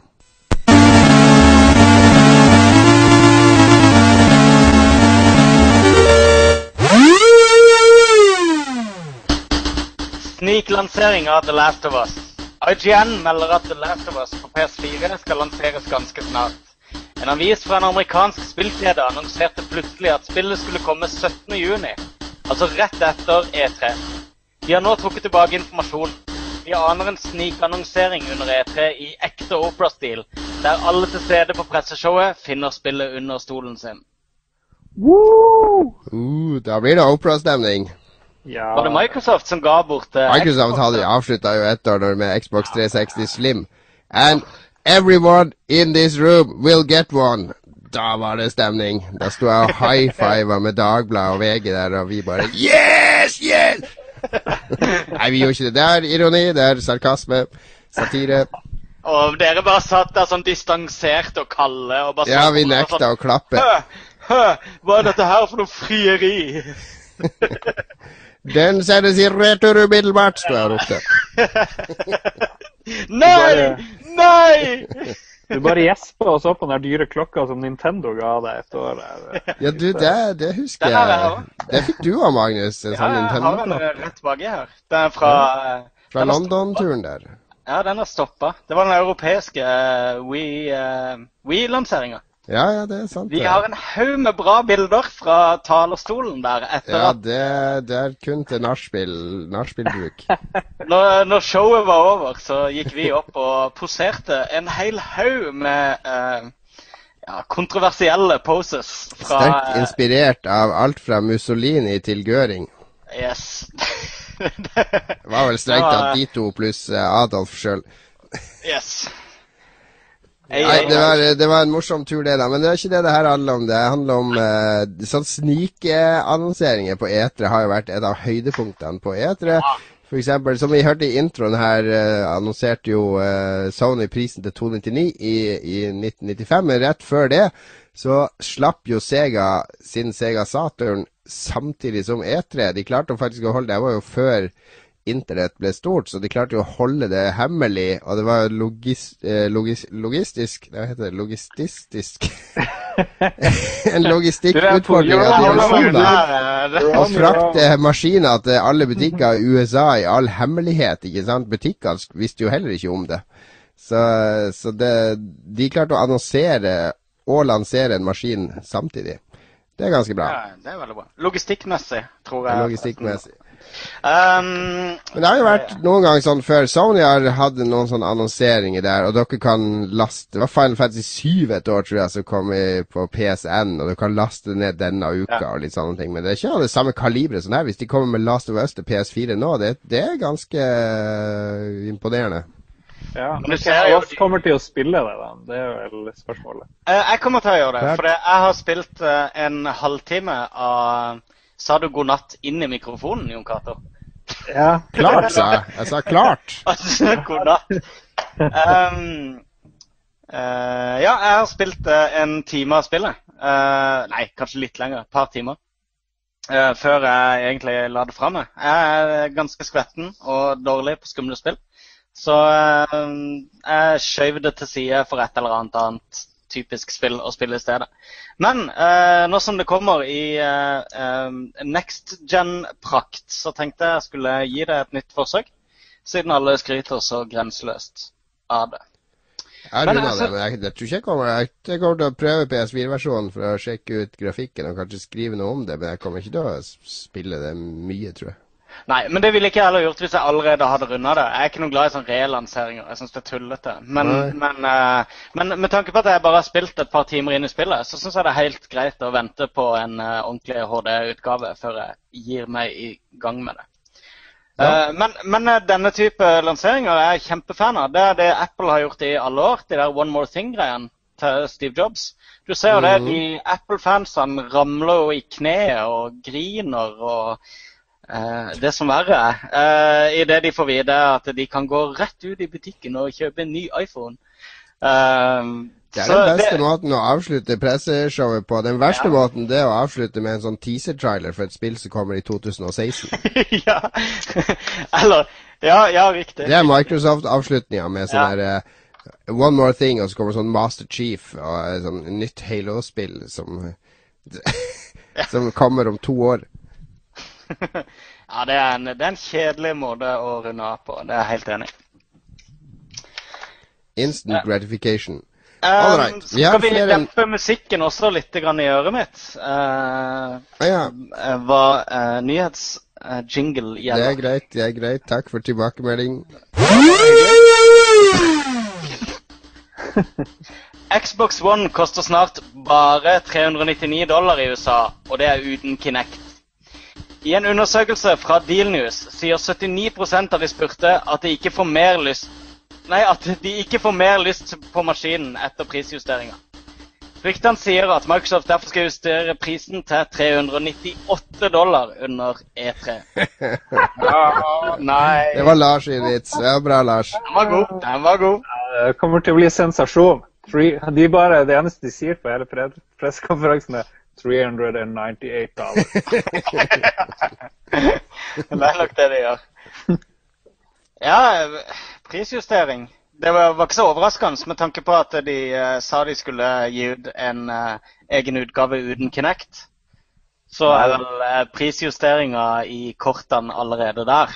Og det var vel sist jeg var med på podkasten her at vi snakka om det. Men uh, du Ja, det er som ikke er noe prisjustering. De har bare fjerna Kinect og tatt Ja, bort det den kostet. koster. Så Nettopp. Nettopp. Ja. koster Magnus, du som er Microsofts mann her i, i podkasten. ja, Hva, en- hva du syns om at eh, åtte av ti ikke får noe spesielt med lyst? Var det lurt å ta bort Kinect da? Eh, nei, det er et godt poeng. Eh, men jeg tror eh, Altså, eh, av de som har bestemt seg for at eh, dette er konsollen i mitt hjerte, så tror jeg de aller fleste allerede har kjøpt konsollen. Resten er bare consumers som skal ha til jul og til, og, eller til når, de, når feriepengene kommer osv. Uh, men eh, at prisen ikke har noen ting å si, syns jeg det er litt overraskende likevel. Synes jeg. For det var jo et av ankepunktene fra uh, internetthopen, at eh, prisen var for høy i sin tid. Ja, Men to av ti hvis de plutselig kjøper Jeg vet ikke hvor mange to av ti i USA er, men det er jo ganske mange. Det er det, da. Jeg Jeg har jo akkurat hatt eh, eh, eksamen i statistikk, så uh, hvis de har spurt mange nok, så kan de tale for hele USA. Uh, og da vil det jo si at, at 20% av USA kommer plutselig til innkjøp av Microsoft-konsoll, så det har vel litt Money in the bank! Men det kommer litt an på hvem de har spurt. da. Hvis de har ringt tilfeldige husstander, og det er liksom mamma som har tatt telefonen, og der de har spurt Du, det at Xbox One nå uten Kinect koster 399 dollar, eh, har du mer lyst på ennå? Da sier hun mora, da sier hun mora. Well, I bought the Xbox One in 2003, didn't I? Jeg jo sier Oh, you mean the X-bone, lol. Nei, men Nei, det, er, eh, kanskje en litt sånn internsak som, som eh, det, det kommer an på hvem de har spurt, egentlig, tror jeg. Det er jo bare en eh, nonsens-nyhet. Altså, maskinen blir mer attraktiv når det kommer attraktive spill til den. Det er jo så Ja. enkelt eh, det er, ikke sant? Attraktive spill, er det sånne spill med attraktive folk? Være Eh, som- Samantha Fox strip, strip Som, poker. som Samantha Fox strip-poker, for eksempel. En Yes. nyhet igjen. Den norske League of Legends-stjerna Nukeduck har blitt utestengt fra det svenske laget Ninjas in Pyjamas pga. ufin oppførsel i spillet. Nukeduck har visst fått flere klager etter at han har kommet med verbale angrep mot motspillere, der han bl.a. har trua med å gasse de som jøder. Godt å se at e-sporten er i ferd med å vokse opp og bli moden. Nå trenger Nukeduck bare drikke seg full og krasje i rundkjøring, så er vi oppe på toppidrettsnivå. Oi, oi, oi! Oi, oi, Nå er det gammelt nok til å spøke med Northug. Ja, Nå, må det være, nå er det nok distanse til det. Northug Burn! med gassing av jøder, tenkte du? Det er eh, Det, er, det er fortsatt uh, litt tabu. Men jeg, jeg så det utskrifta fra den chatloggen, og det er jo helt uh, Det er sånn drittunge Jeg blir provosert. Jeg tenker Hvis jeg var faren til den Nukeduck, så hadde jeg jo faen meg banka han opp. Hvor gammel er Nuke Duck? Ja, det var han 17-18-19 eller noe sånt. Ja, det setter han i celle med Breivik. Det er ikke noen annen løsning. Nei, men Men det er jo hele er problemet med e-sport, sånn som jeg ser det, er jo at det er en gjeng med drittunger som spiller spill. Fordi sånne folk som det her, de gir det, Og det er ganske mange av de som, som Du må prøve å spille Dota eller League of Legends. Den der holdninga du møter hos de du spiller med, er jo ofte ganske motbydelig. Ja. Altså, jeg, jeg har jo spilt uh, mye Xbox online. Eh, selv om jeg vil si at uh, min andel med kjipe motspillere har, har vært uh, overraskende lav, faktisk. Selv om jeg har spilt en del uh, Gears of War osv. Men folk bare bestemmer seg for å trolle. De, de sier bare det kjipeste de kan for å, for å prøve å få folk ut av balanse, liksom. Jo, men når du er proff, så har du jo et, et, Ja, ja. et, et ganske stort ansvar for å Altså- være ambassadør for både spillet og sporten osv. Og, så videre, og laget ditt. Har de det? Har de Definitivt. Du, er jo proff, du får betalt av et lag Ja. for å spille. Du får lønn av de. Du, du får, de bor jo i et eget hus. Det er jo sånn eget hus, det er Ninja sin pyjamas. De har et profflag som reiser rundt Ja. i verden og spiller, ikke sant? Du, du, du må jo ha et apparat rundt deg som tar vare på det her. Ja, men Northug, bortsett fra den fyllekjøringa, han har jo blitt kjent eh, rundt omkring pga. at han har vært en drittsekk og eh, trolla de her svenskene hele tida. Det har gått helt greit. Vi har bare digga han for det. Nei, jeg har jo aldri digga på- Northug, så jeg har syntes at det der er på kanten av hva han burde gjøre, syns jeg, da. Se på fotballspillere som tar med seg liksom løkka ut på banen. da. De forsvinner kjemperaskt ut av, av eh, profffotballen. For de, de klarer ikke å vokse opp, de klarer ikke å ha et profesjonelt forhold til det de driver med. Og da blir de kasta ut. Eh, og det samme, eller det skjer i de aller fleste tilfeller, hvis ikke de er supergode. Og det samme burde jo tydeligvis skjer også når det kommer til e-sport. Det er bare å se på Harstads store sønn, Runar Nordmann, når han skulle bli profesjonell fotballspiller, åssen det gikk nede i Vålerenga og sånn, Lars. Det, Det, det, hva var det Kjetil Siem kalte Runar Nordmann? Det var Å ha Runar Nordmann på laget var som å ha en kenguru i et minefelt. Men, uh, ja, jeg tror problemet til, problemet til e-sport er at eh, rammene er så uprofesjonelle i utgangspunktet. da. Altså, De har liksom ennå ikke klart å Det er veldig sånn do it yourself, hele communityet der. Og Derfor så har du en gjeng med sånne her, eh, kvisete tenåringer i dress som står som eh, annonsere. og eh, Du har massevis av sånne her shady bakmenn som spytter inn penger i produksjonene. Men bortsett fra det så er det veldig amatørmessig opplegg. Eh, de aller fleste Noen av de store greiene har blitt veldig bra. Det Det er, er eh, Valve sine Dota-turneringer og, Helt og de verdensmesterskapene og Starcraft-tingene og sånn. Altså, så jeg syns mye av det har blitt bedre. Men jeg syns det er spillerne fortsatt som ødelegger veldig mye for det. det er, Ja, hvis, du ser, hvis du leser noen e-sportsartikler på Pressfire eller, eller gamer.no der de skriver om LOL eller Dota eller noe sånt Hvis de skriver om Dota, så kommer det noen LOL-fans inn og bare og skal Ja. klage over at de skriver om det drittspillet. Og hvis de skriver om LOL, så kommer det Dota-fansen inn. «Øh, Barnespillet! Altså, det, det er sånn der det eh, her gjelder jo på VG Du ser ikke fotballfan som går inn når VG skriver om hockey på nett. bare, Å, spille ordentlig på, med, med ball, da! Hvorfor skal han drive rundt med den pucken på is? Nei, men hvis de lager en sak om Manchester United, så vet du at det kommer inn 30 Jo, men da er det lag. Da er det noe annet. Det er jo ingen som går inn og, Nei, er og disser Ninja sin pyjamas-fans. Det er snakk om mye mer personlig vært- personlige og barnslige greier. Jeg har aldri vært på et kommentarfeltforum på en stor publikasjon hvor det har vært eh, bra stemning og folk har oppført seg. Det er jo bare drit eh, hele Ja. tida.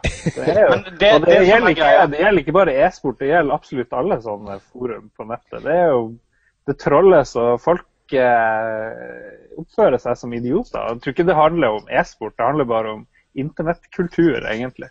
Men det er akkurat det. ikke sant? De er vant til å være De kommer fra den eh, eh, Vi kan kalle det den anonyme gata. Og eh, du kan ikke alltid ta gata ut av spilleren, selv om du kan ta spilleren ut av gata.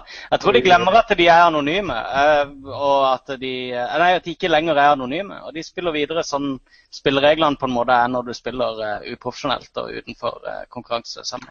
Og så tror jeg vi har blitt veldig gamle som, syn- som driver og hisser oss oppover. Uh, sier at de er drittunger og sånne ting. Jeg vet ikke. Ja, men det er det Nei, de er jo oppfører seg som drittunger. Jeg sier ikke at de er det. De er drittunger fordi de er under 30. Ja, det er nettopp det. En sur gammel mann her som sitter Det var ingen som ville betale meg for å spille Tetris i min ungdom som proffspiller. Så det her eh, Det toget var gått når når jeg var blitt for gammel, og da skal jeg nekte andre å gå på det toget. Jeg skal dra i nødbremsa ved hver anledning jeg har. E-sport-toget skal stoppes! Du skal gasse de som jøder. Det var dine ord, ikke mine. Det er på tide med musikalsk avbrekk. Vi skal nyte litt eh, flymusikk fra Sega. Det er klassiske Afterburner som kommer inn her. Vi snakkes om noen minutter.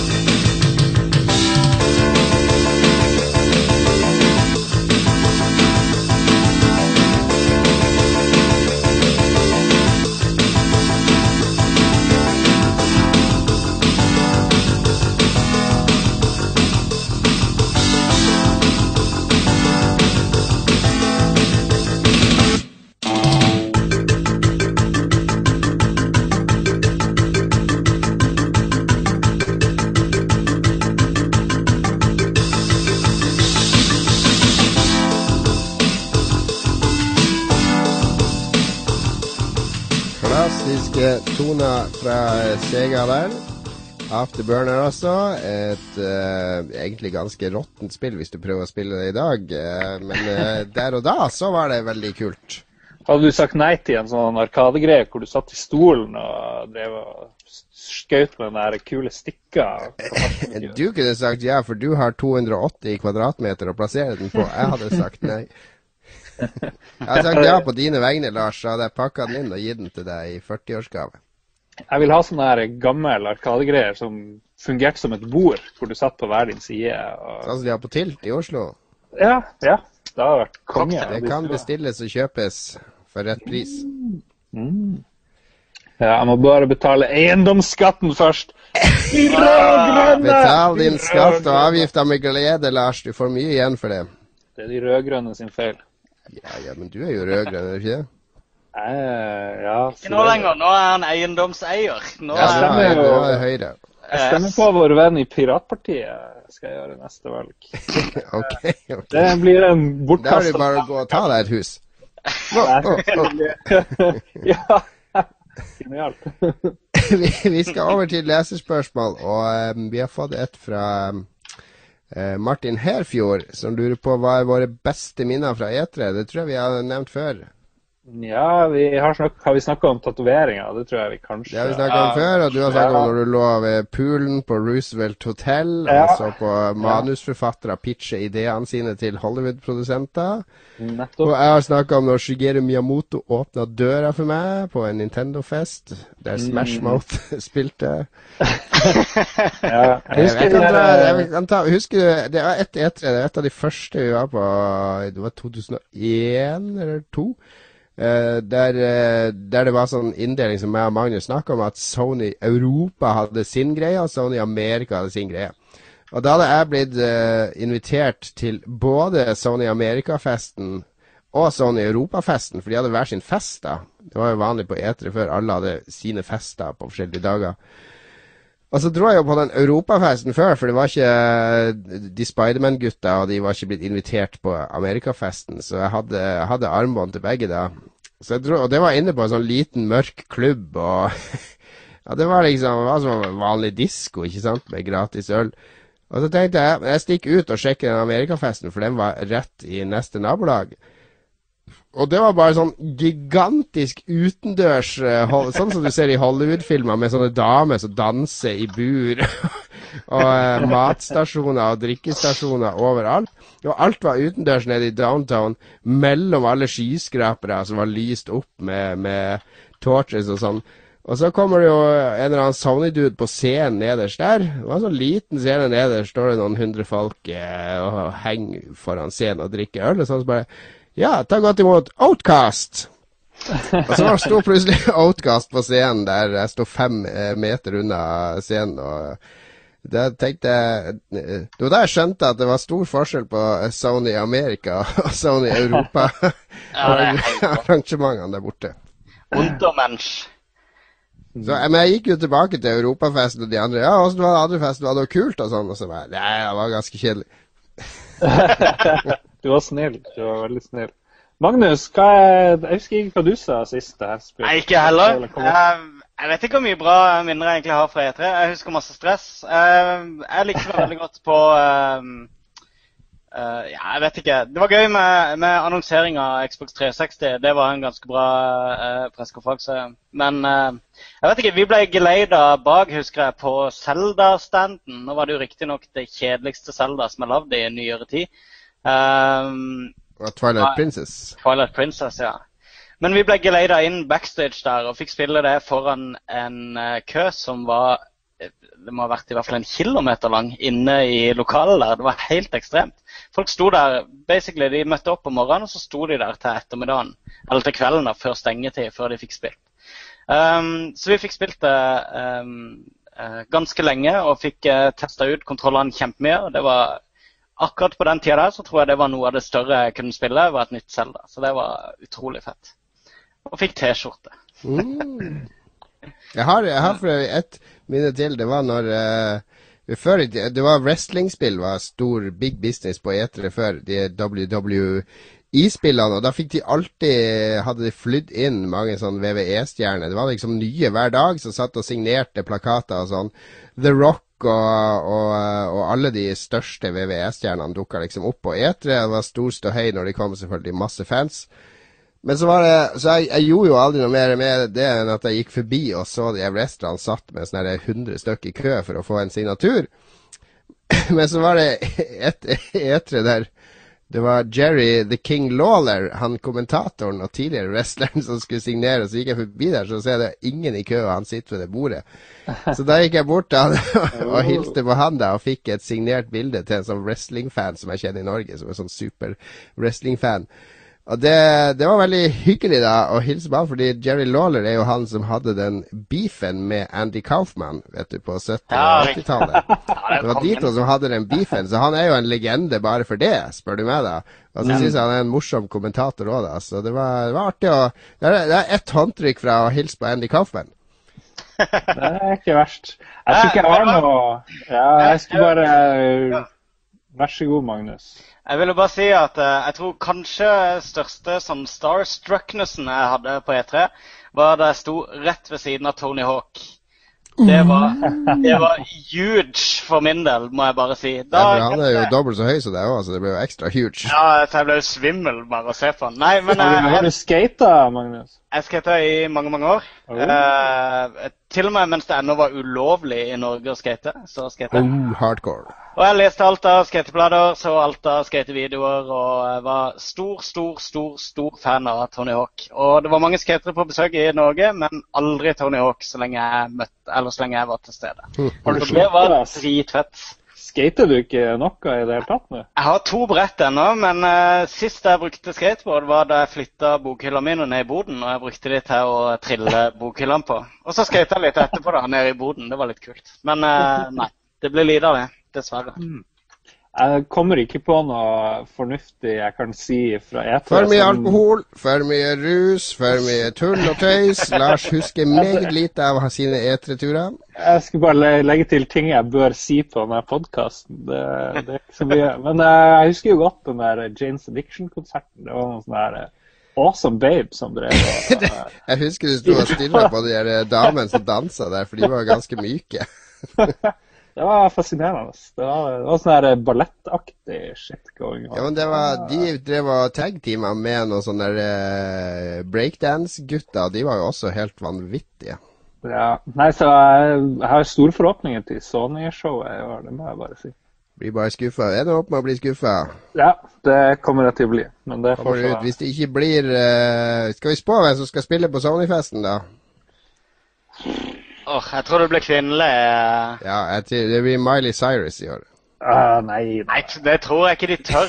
Det, var, det, tror jeg kanskje kan bli et problem for Sony i år. er at uh, De har gjort så mye riktig nå at uh, de kan være litt redde for å trå utenfor uh, den vellykka formelen når de kommer til E3. Mm -hmm.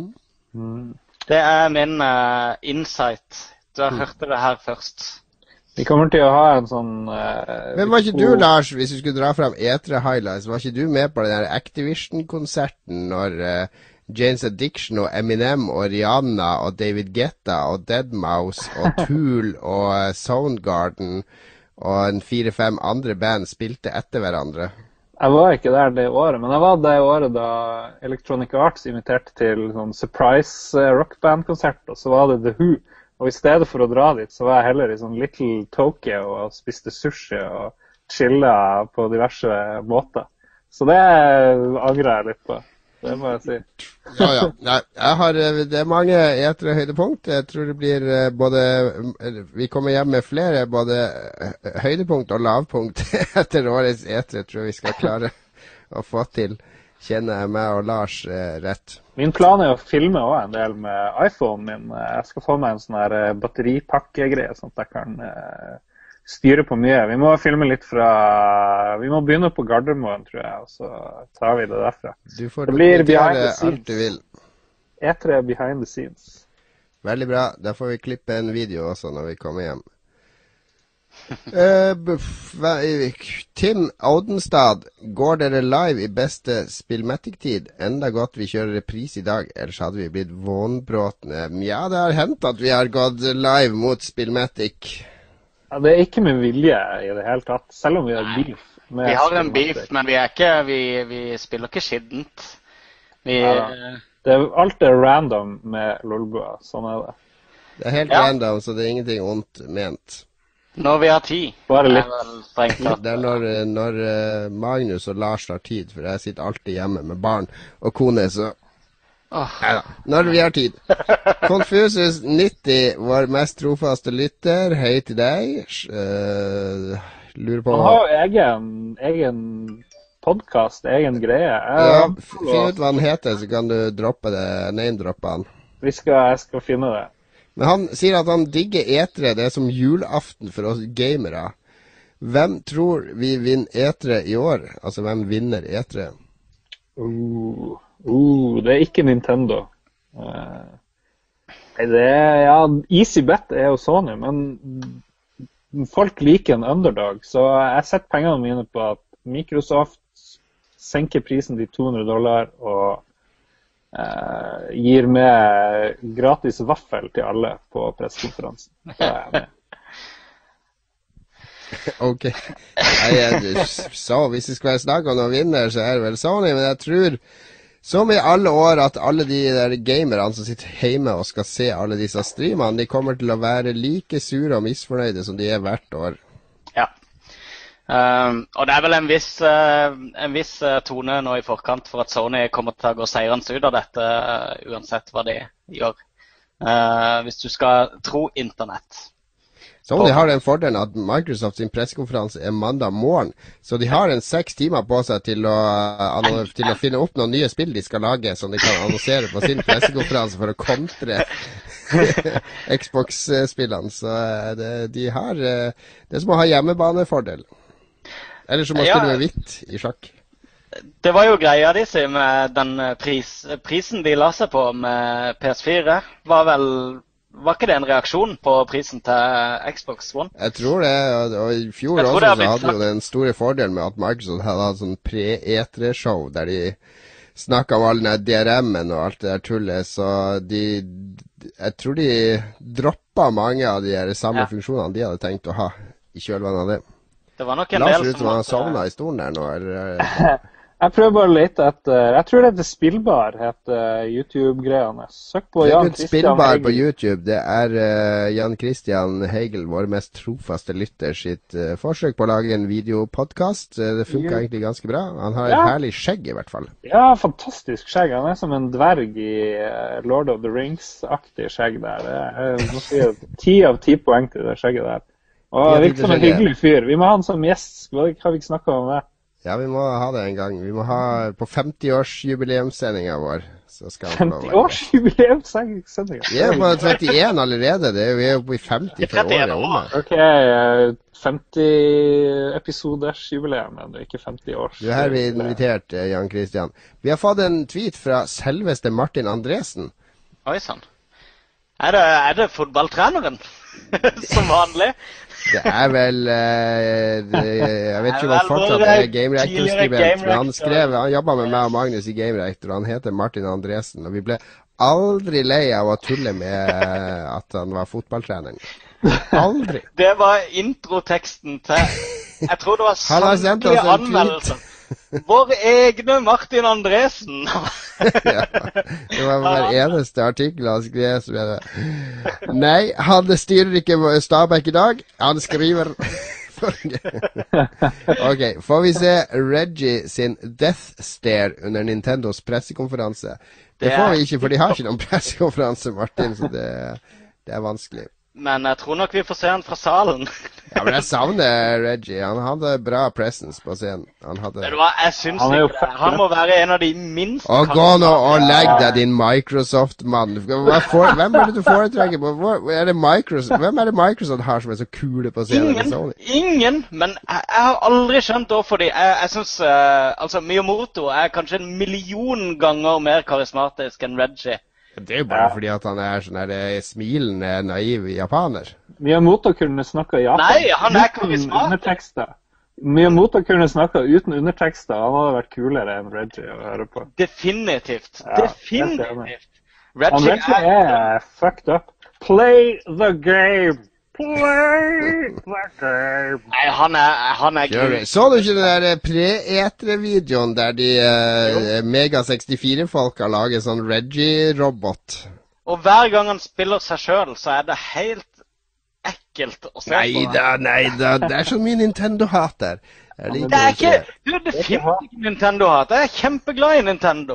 Jeg Ja, men du hater Reggie. Ja, Eh, Nei, hva, jeg hater Reggie engang. Jeg bare forstår ikke hvorfor de presser han foran seg når de skal, når de skal si noe til alle på en gang. Så bruker de han der dotten.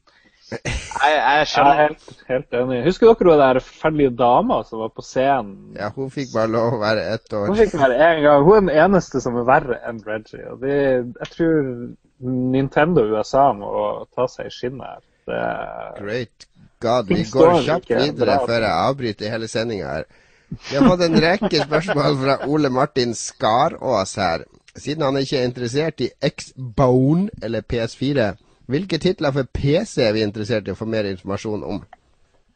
Eh, Det er jo noen den PC-eksklusive spill som ikke kommer på X-Bone og PS4 på Etre. E3? Jeg vil gjerne se Project Titan endelig se dagens lys. Uh, Blizzard-greia. å Ja, jeg tror nok jeg kommer til å gråte en liten skvett hvis de endelig beviser eh, at de faktisk har noe gående der. Jeg er veldig spent på hva det kan være. Men hvis ryktene er sanne, så har de jo bare trasha hele prosjektet og begynt på nytt igjen med noe nytt. Kjempeambisiøst. Så det er vel ti år på det. Men jeg har veldig lyst til å se, eh, som jeg sa tidligere òg, en sånn derre eh, vi har allerede annons eller vi har allerede lansert Heartstone expansion. Det kunne jeg veldig godt tenke meg å se. Heartstone! Ja, jeg sniker Good inn. lord. Nå snakker du iPad-spill, da. Nei, jeg kunne godt tenke meg å ha det um, uh, på Det er vel snakk om en høstlansering, er det det til konsoller med Heartstone? Jeg kunne godt tenke meg å ha det på stasjonærkonsoller også. Det blir jo ikke bedre enn å spille det på iPad. Nei. Jo, jeg er ikke så glad i å spille på iPad, faktisk. What? Hvorfor det? Hva er galt? Jeg liker å ha det større, og jeg liker å ligge på Hvordan sofaen. skal du, du drive og targete kort og sånn? Det blir jo bare mye mer knotete med kontroller. Og, og mange Å nei, du skal spille med Kinect, ja, nå skjønner jeg. Kinect, du skal sitte og peke litt og sånn. Hvor mange timer har ikke mer det jeg brukt på å spille Uno på internett, Jon Cato? Ja, det funker, men det her, ja, ja. Ja, og hvorfor skal ikke dette funke? Vi sporer av nå. vi sporer av nå. Jeg, jeg håper, Hvis det var ett PC-spill jeg skulle glede meg til å se på E3, så hadde det vært det der Cyberpunk 2020-spillet til de eh, CD Projekt, de, The Witcher-folka. For de har jo et sånn Cyberpunk-spill under utvikling. Jeg, de har de, jeg tror ikke de har det med seg på E3, for det er nok det er nok ikke noe som kommer for tidligst neste høst. Jeg vet at de har med seg Witcher, der jeg har takka nei til å sitte på en times lang presentasjon av The Witcher 3. Det trenger jeg ikke. Eh, Men hadde de hatt med seg Cyberpunk, så skulle jeg gjerne dratt og se det. Men det har mye med at jeg elsker Cyberpunk-sjangeren. Det er jo eh, som eh, Shadowrun. Det har jeg spilt litt i det siste, faktisk. Eh, det Har du spilt den nye kampanjen? Nei, jeg snakker om penn og papir. Ah, ja, det er- Shadowrun, for guds skyld. Det er veldig misvisende penn og papir, fordi vi skriver med blyant. For det hender jo det må viske ut på charactersheetene. Blyant og viskelær-rollespill. Ja, men det, det Vi har spilt litt uh, Shadowrun her i Harstad, en gjeng. Det er ufattelig morsomt. Det er et fantastisk rollespill. Er det et PC-spill du gleder deg til? Nei Ja, det snakker vi om Ja. sånn rundt et bord. Vi, vi ja, snakker om, jeg tenkte, PC-spill, Lars. vi snakker om det her Cyberpunk-spillet. da. Det gleder jeg meg Ja. til. Det er det der CD Project heter de jo, de som lager Witcher eh, 3. Det Ja, det, det er akkurat å snakke om. Det får vi sikkert se mye av på, på E3. Jo, men jeg hadde heller ikke giddet å sitte én time og se på det. da. Guds skyld, hvem gidder det, liksom? Du, har du ikke hørt etter hva jeg sa? Det jeg Ja, jeg sa til var én time med Witcher. For Ja, jeg- jeg har ikke blitt invitert til å se noe Cyberpunk, så da har jeg takka nei. Nei, jeg bare sa jeg gidder heller ikke å sitte en time og se Nei, på det. nettopp. Så, Jeg tror det, er- det er akkurat nok til å se tutorialen, vil jeg tro. En time i The Witcher. Ja, men Ole Martin han har flere spørsmål til oss. Han lurer på om ikke E3 er en ren salgsmesse for butikkjeder, eller har han forveksla det med en annen messe? Det har han. Opprinnelig var etere ja. en, nesten en ren salgsmesse der pressen slang seg på, fordi eh, da kunne alle forhandlere komme og prøve alle spill som skulle komme til høsten. Det var litt for å planlegge høsten og julesalget, og da fikk de inntrykk av hvilke spill de skulle satse på osv. Men nå i dag så er det da, På den tida så var det jo titusener av beslutningstagere som bestemte innkjøpene sine sjøl, men nå i dag så er det jo bare sånn seks-syv store kjeder og det er noen få folk som liksom bestemmer hvor mange hundre tusen eksemplarer de skal kjøpe inn av spill. Så det har blitt mye mer eh, sånn der eh, Mange butikker har mange ansatte der, så at de kan få teste ut spillene og sånn. Men uh, det er blitt uh, Jeg vet ikke hvor mange som er presse. Det er vel 15% som er presse. Resten er folk som ikke har noe der å gjøre.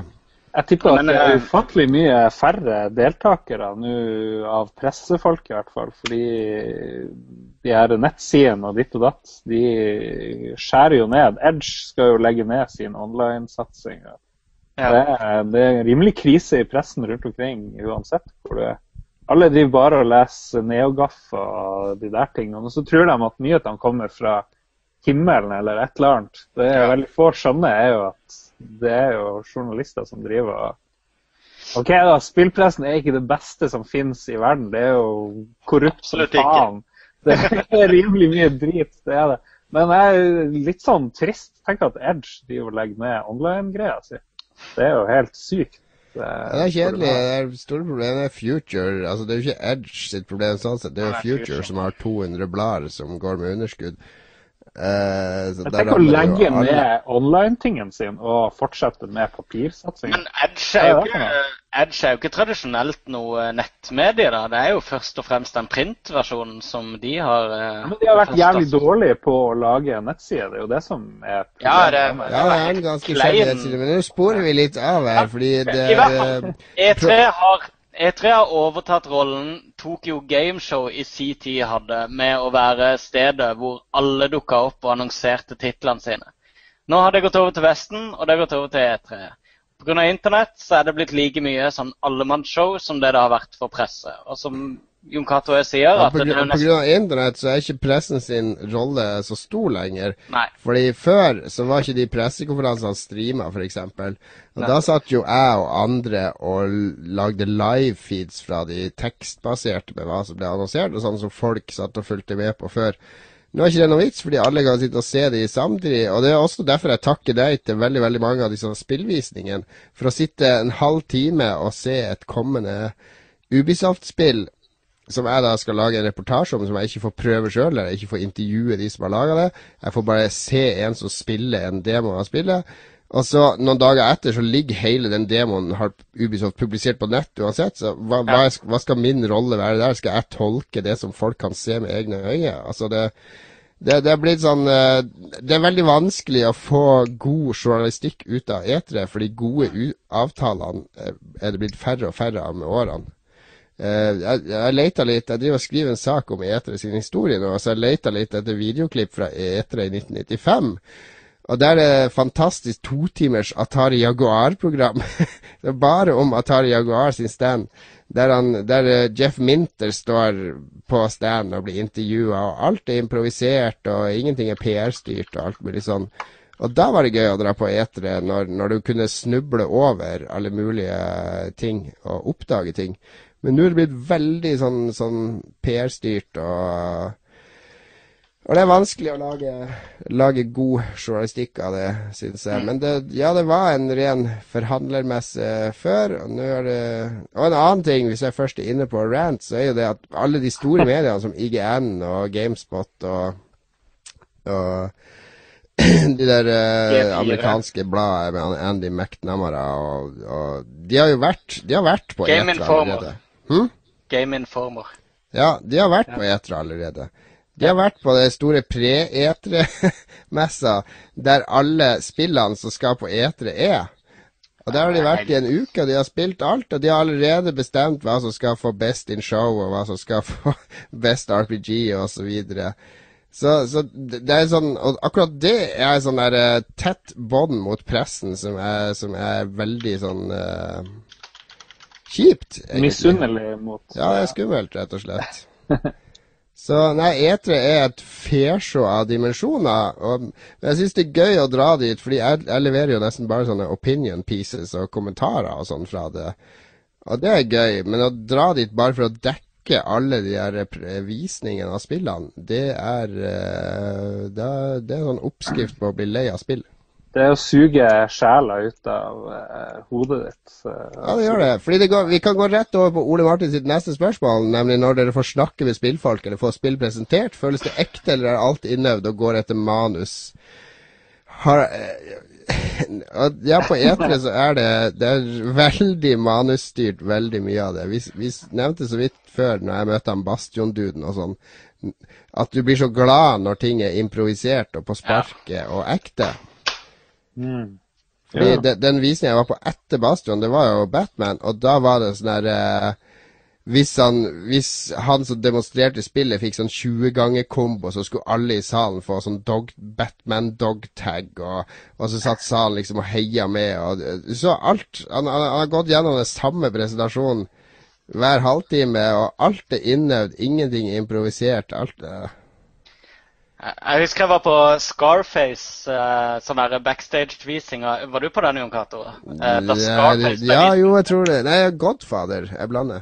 Ja, jeg var på Scarface da, og da, var det, da hadde de liksom en sånn announcer som også var sånn her Pacino-imitator, da. Eh, Al Pacino-imitator. Og han snakka i jeg tror en halvtime eh, etter manus, uten å sjekke notatene i det hele tatt. Det var fascinerende. For jeg sto Ja. utenfor etterpå og overhørte at han gjentok hele greia om igjen. Og det var liksom Han la inn sitater innimellom uh, hver sekvens han viste frem. Og, og utrolig intens prating. Kjempelenge. og det, alt var manus, liksom. Og da var vi bare en sånn 20 stykker som kom inn av gangen og fikk se det. Ja, nettopp. det var, eh, men, men du merker når de snakker sånn one on one nå, så bare sånn her Hei, kan jeg interessere deg i dette spillet? La meg vise deg de første uh, tre minuttene av spillet her. Ja, også når du har intervjua, så er det sånn der eh, A lot of people would say that it's in bad taste to do this and this. Og så, yes, some people might think that. However, we believe that. Og så kommer bare sånn inne. Ja. Altså, du vet når, når de svarer Du spør liksom sånn her eh, Vil du si at det er sånn og sånn? Så sier de So we uh, så, Og så begynner han bare å snakke om noe annet. Det er liksom sånn So we started out doing this. Ja, ja, de svarer på helt andre ting. Ja, ja. Helt fantastisk. Men han, han spør videre, han eh, godeste Ole Martin her, om vi har venner bekjente i bransjen som vi treffer på E3 og får inside scoop, sånn som 'sjekk det kule vi holder på med her'. Det skjer eh, sjelden. Det Er det, det snakk om anmeld... Nei, at du møter kjente eh, utviklere og sånn, da, som skal røpe bransjehemmeligheter? Eller kollegaer? Eller skal vise ting som egentlig ikke er på messegulvet? Altså, hvis det skjer, så er det i, i regi av PR-avdelinga for å lure deg som journalist. Det, det kan skje ofte at de prøver å lure deg til å tro at du får noe eksklusivt. Ja. Men det skjedde, jeg husker i 2002, når jeg var på E3, så, så fikk jeg tips fra han ene, han som var PR-sjef i EA Norge der borte. Da, da var jeg på EA-stand og så, så på all Fifa og alt mulig tull som var der. Så jeg, du har det vært det er sånn rom oppe i andre etasjen, har du vært der? Rom eh, 505B eller noe sånt? Så nei, ja, for EA har de to rommene der, og på 505B så har vi et dødskult sånn multiplayer-spill. Du må dra og se på det. Det kommer til å revolusjonere eh, alt. Og så, og så glemte jeg det av, og så dagen etter spurte han meg har du vært og sett på det spillet ennå.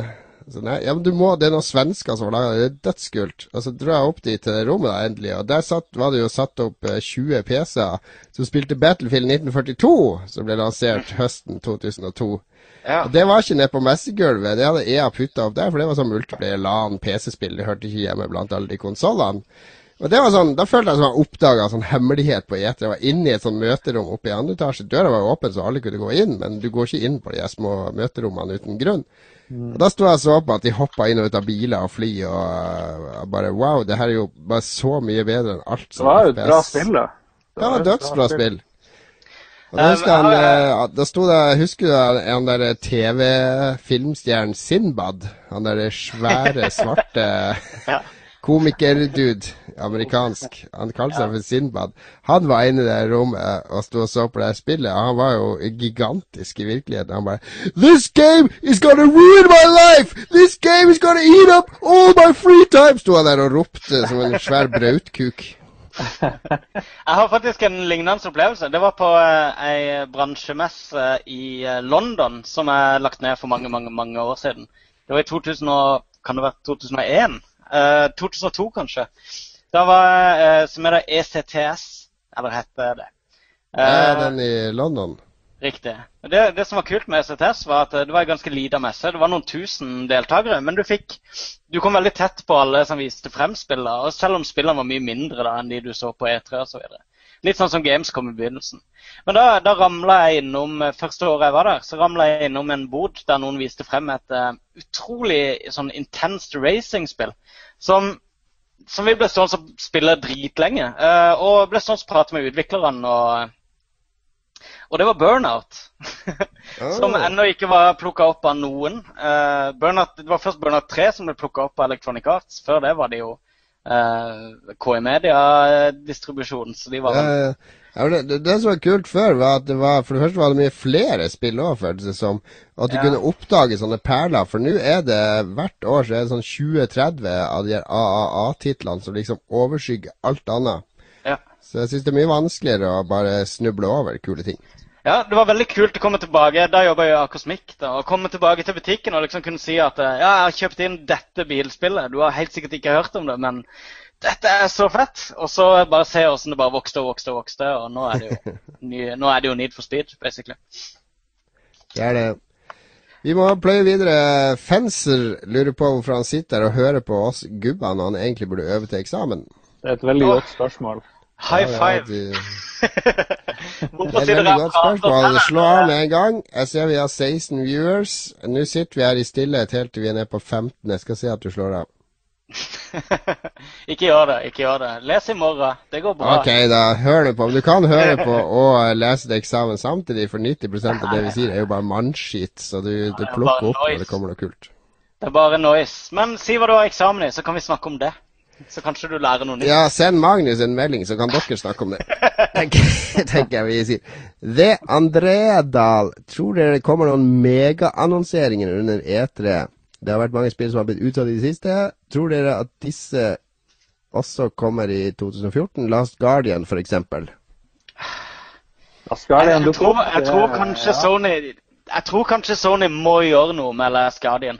For det begynner å bli en sånn her Duke Nukem Forever-klump rundt foten de sin. Så jeg, jeg, jeg tror kanskje de Jeg, har tenkt litt på det siden vi snakka om det i stad. Jeg tror kanskje de viser noe fra Last Guardian. Ja, de viser for både PS3 og PS4, vil jeg tro. Ja. I alle fall For PS4. PSP og Vita. Og for smart-TV og VR. Vi skal jo slutte Eh, å lage PSP. Hæ? De har tatt det i en ny direction. De har laga sånn kartspill av det og Ico og Shadow of Colossus, der du kan Der skal det sånn kartracingspill i stedet. Ja, er de har med sånn big head. Store hoder og boink. Men eh, eh, jeg vil Jeg blir ikke overraska hvis det er en sånn her uh, one, one last thing-ting.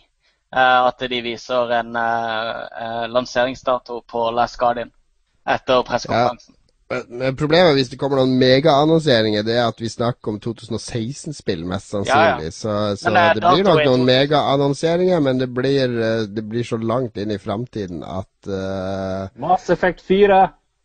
For eksempel. ja, men det, De jobber vel på noe nytt Mass Effect? Det har de vel uh, sagt ganske greit allerede, har de ikke det? Jeg håper det. de Jeg skal bare spille multiplayer. Det er multiplayeren på Mass Effect 3 fantastisk. Du må spille Gears of War, min venn. Ja, det var Ruffen, vi må videre, gutta, Ja. blir sent der. Ruffen28 eh, mener at i dagens verden der spill skal på alle plattformer, så blir det utviklet for konsoll først, og så portes over til PC for å ha størst inntektspotensial. Jeg forstår at utviklere peker på kostnader for å lage en PC-versjon på sida av en konsoll, men da skal PC-spillene være OK. Men i, var en Ok, jeg tror han mener at Men, han men, syns det er en uting at spill lages for konsoll, og så portes til PC og blir sånn halvveis PC-spill. Ja, Men aller først, det er jo ikke utvikleren som tar denne bestemmelsen her, som, som eh, tar den økonomiske beslutninga. Det er jo utgivere, som eh, er de som skal betale for det, og som skal ha igjen penger for det. da. Ja. Så det er vel grunnen til at de sier lag det for konsoll, for der er det et marked. Men antakelsen er feil også, tror jeg, fordi de siste to-tre årene, nå når neste generasjon har kommet, så har de fleste spill har blitt laga Eller de fleste spill som skal ut til PS4 og One, har blitt Ja. laga til PC først. Og så har de eh, tilpassa de til konsollene. Eksempel Dark Souls 2 var utvikla fullt og helt for PC, og så porta ned til PS3. Men, Men, er det ikke men, det men PC-versjonen blir jo ofte skadelig. Men jeg tror ikke det er bare fordi at den skal ligne på konsollversjonen at det blir skadelidende. Jeg tror også det er fordi at de vil gjerne nå flest mulig PC-spillere. De vil nå ikke bare de som har kjøpt det aller nyeste grafikkortet. Ja. De vil jo nå de som kjøpte PC for fire år siden òg. PC. PC, PC. Ja, ja. Jo, men du, du trenger ikke gjøre et spill stygt for at folk skal kunne spille det med et dårligere grafikkort. Jeg mener, Du kan jo legge inn Nei, men det er jo en Crysis. Hvor mye ekstra ressurser skal vi legge i å gjøre det super, superlekkert Ja. for, for de ti prosentene som faktisk kan kjøre det så lekkert? Ja, definitivt. Eh, eh, et annet punkt er jo at eh, Er det ikke det de sier om denne generasjonen? At eh, arkitekturen er så lik PC, og programmeringsspråket er så likt PC, at, eh, at det er null problem å porte spill for denne generasjonen. Ja, det er mye lettere nå. Forrige generasjon var jo Xbox 360 liksom den der startup-konsollen fordi det var basically å programmere for PC. Mm. Uh, og så optimaliserte de for eh, eh, PC og PS3 etterpå. Mm. Uh, men i denne generasjonen, så i hvert fall ting jeg har lest, så har, det vært, har de sagt at det er egentlig det samme hvilken vi begynner på. For det er såpass likt. Ja, det er det. Siste spørsmål eh, denne gangen kommer fra Spillsonen. Uh, han leste et sted på nett uh, at skaperne av spillet Star Citizen vil komme med noen nyheter om spillet på E3. Er det fakta eller bare rykter? Det aner jeg ingenting om. Det vet vi når uh, det eventuelt viser seg at de sier noe om det eller ikke. Vi kan jo ikke eh, på Jeg tror, veien de, jeg tror det var noe sånt at Star Citizen ikke kommer på noe konsoll i det hele tatt. Men det hadde vært lurt å gjort det. Det har ufattelig mye hype, og hvis jeg var Sony eller Microsoft, så ville jeg jo gjort en del innsats for å få det på et konsoll. Så ja. Men det hadde jo vært et ballespark til alle de Kickstarter-supporterne som forventer seg en superoptimalisert PC-versjon. Ja, Men de kan vel få begge deler? Ja, kan det de- er litt rart. det er Er det ikke det, er det, ikke det vi nettopp Er det ikke det vi akkurat snakker om? Så er det liksom Så, så Ja, men- nullstiller vi i neste spørsmål. Nei, men tenke deg at det er hardcore PC-fans som har spilt PC i 40 år, som alltid har det nyeste grafikkortet, som hver dag er rasende over konsollene som har ødelagt for PC-en hans i alle år. Hvor sint han hadde blitt hvis de 200 dollarene han spytta inn i Star Citizen, nå skulle bli brukt til et konsollspill. Jo, Burde ikke folk revurdere de der, inn, eh, de der eh, investeringene sine i PC, hvis, de, hvis spillene likevel ikke utnyttende? utnytter det? Ja, men De kan vel utnytte det, men det kan jo komme en uh, konsollversjon. Jeg, jeg kjøper ikke Ja, det der uh, greia. Men. Jeg vet ikke. men, men de der 40 millionene de har fått inn på kickstarteren, det er sikkert hardcore PC-dude, så de blir sikkert sur. Men who the fuck cares, liksom. Men jeg lurer på om det er fakta eller bare rykter, og hvis det står på nettet og at det ikke er bekrefta av utviklerne, så er det bare rykter. Hvis det står på nettet og det er bekrefta av utviklerne, så er det fakta. Så Alright. det, det er det beste svaret jeg kan gi. Det var et kjedelig svar. Men ok. Meget kjedelig, det- men uh, virkeligheten er er ofte kjedelig. Jeg går for fakta. Det kommer masse Star Citizen News. Men de deler jo ut nyheter hele tida, så jeg vet ikke om det skal komme noen store nyheter. Ja, ja. Store nyheten er at det kommer på konsoll. Vi er ferdig med lesespørsmål. Vi er kommet til siste bolk av eh, denne ukens Lolbua, der vi skal snakke om hva vi har spilt i det siste. Det blir en utrolig lang bolk i neste sending når vi er tilbake fra etere, Lars, for da har vi jo spilt 100 nye spill. Ja, absolutt. Eller kanskje ikke. Kanskje vi bare Vi får se. Det er jo ikke så mye man får spilt lenger på etere, det er jo litt synd. Men uh, ja, Magnus, du har lest på eksamen, og du har fått tid til å Du kobler av med å spille litt. Ja. Det at jeg har lest på eksamen, betyr jo at jeg har uh, spilt ganske mye når jeg ikke har lest på eksamen. Jeg har selvfølgelig spilt Heartstone, for det er et morgenritual jeg har før jeg går ut fra leiligheten min om morgenen. Men uh, jeg skal ikke De snakke fleste om det. bruker å dusje og spise frokost og sånn. Jeg gjør det òg. Jeg Ja, okay, spiser frokost og drikker kaffe mens jeg spiller, uh, spiller opp mission, dagens mission. I, uh, okay, okay. ja. Men jeg kjøpte Watchdogs. Yes. Ja. Jeg så du ga det en femmer, Jon Ja, jeg syns det Jeg koste meg masse med det spillet. Ja, jeg er ganske uenig med deg, tror jeg. Eh, jeg syns det var et, eh, et ufattelig lite sjarmerende eh, Ekstremt sånn der sentimental Den storyen makes no sense whatsoever. Det, er- det er en av de dårligste storyene jeg har vært borti. Og nå sammenligner jeg med Ja, det, men det er påpekt at det er en dårlig story. Sammen med Battlefield og Call of Duty så, så ligger Watchdogs under. Det er et sånn der quasi-heavy Som jeg pleier å si, vil du ha en god story, les en bok. Jeg finner en god story i et spill dette spillet på absolutt alle andre måter prøver å kopiere, som er GTA. Uh, bortsett fra at ingenting av det som skiller Watchdogs fra GTA, er bra med det. Jo, jo, alle sideoppdragene, sideaktivitetene, er masse kult. Eh, Ja, OK. Det jeg har vært borti av det, da, har vært helt grusomt eh, meningsløst så langt. da. Jeg spiller det fremdeles, da, for jeg, jeg har tenkt å, jeg har kanskje bare en ti timer i det, eller noe, så jeg skal, jeg skal eh, selvsagt gi det mer tid. Men eh, jeg syns eh, eh, Jeg syns jo, i motsetning til resten av verden, at kjøringa var helt OK. Ja, det syns jeg òg. For det er et actionspill, og da er det helt fett å lage sånn Ja. kjørekontroll i det. Men, men jeg syns denne greia med at du skal kunne se sånn info om absolutt alle du møter på gata, det ble jeg lei av etter tre minutter. Jo, men Det da er- trykker du på eh, knappen, og så legger du ned mobilen. Så slipper du det. Ja, men jeg trenger det i andre situasjoner. Så du Ja, går så du ute med den syns eh, det der med overvåkingssamfunnet blir intrusive når du spiller? Er ikke det Eh, en ja. kommentar om overvåkingssamfunnet der og da? Åh, det er så smart. Ja, så da, derfor skal jeg gå igjennom. Ja, jeg tror det er bevisst. Jeg tror det er bevisst at det er ubehagelig og plagsomt. Jeg tror det er bevisst at det er så utrolig mange sideaktiviteter at du hele tida har distraksjoner som distraherer deg fra å gjøre det du skal. Jeg tror det er Men mange metakommentarer i det spillet. her. Det er ikke et gøy spill whatsoever. Det er en pretensiøs metakommentar som kun er der for at uh, han som har lagd spillet, skal kunne si 'ikke sant'? Det, det, det fjerner all spillglede, og det er jo der en må balansere et spill. Du kan ikke kjøre noen gjennom 50 eller 30-50 timer, jeg vet ikke hvor lang tid det tar å runde det, med, med irritasjon, bare for å vri gjennom et poeng.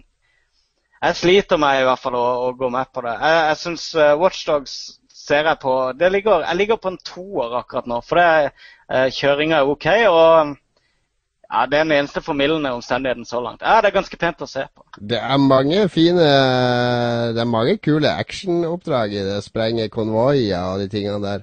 Jeg, Mye er morsommere sånne sideoppdrag enn i GTA. Det er definitivt. Bare innrøm det, Jon. Det er en drittanmeldelse du har levert. Ja, jeg er i hvert fall uenig med deg, Jon Cato. Det, det er jo greit. Men jeg har også spilt um, en demo, for en gangs skyld. Og det er noe jeg aldri gjør. Men jeg har spilt demoen på um, For det er et spill jeg har eh, sett litt frem til.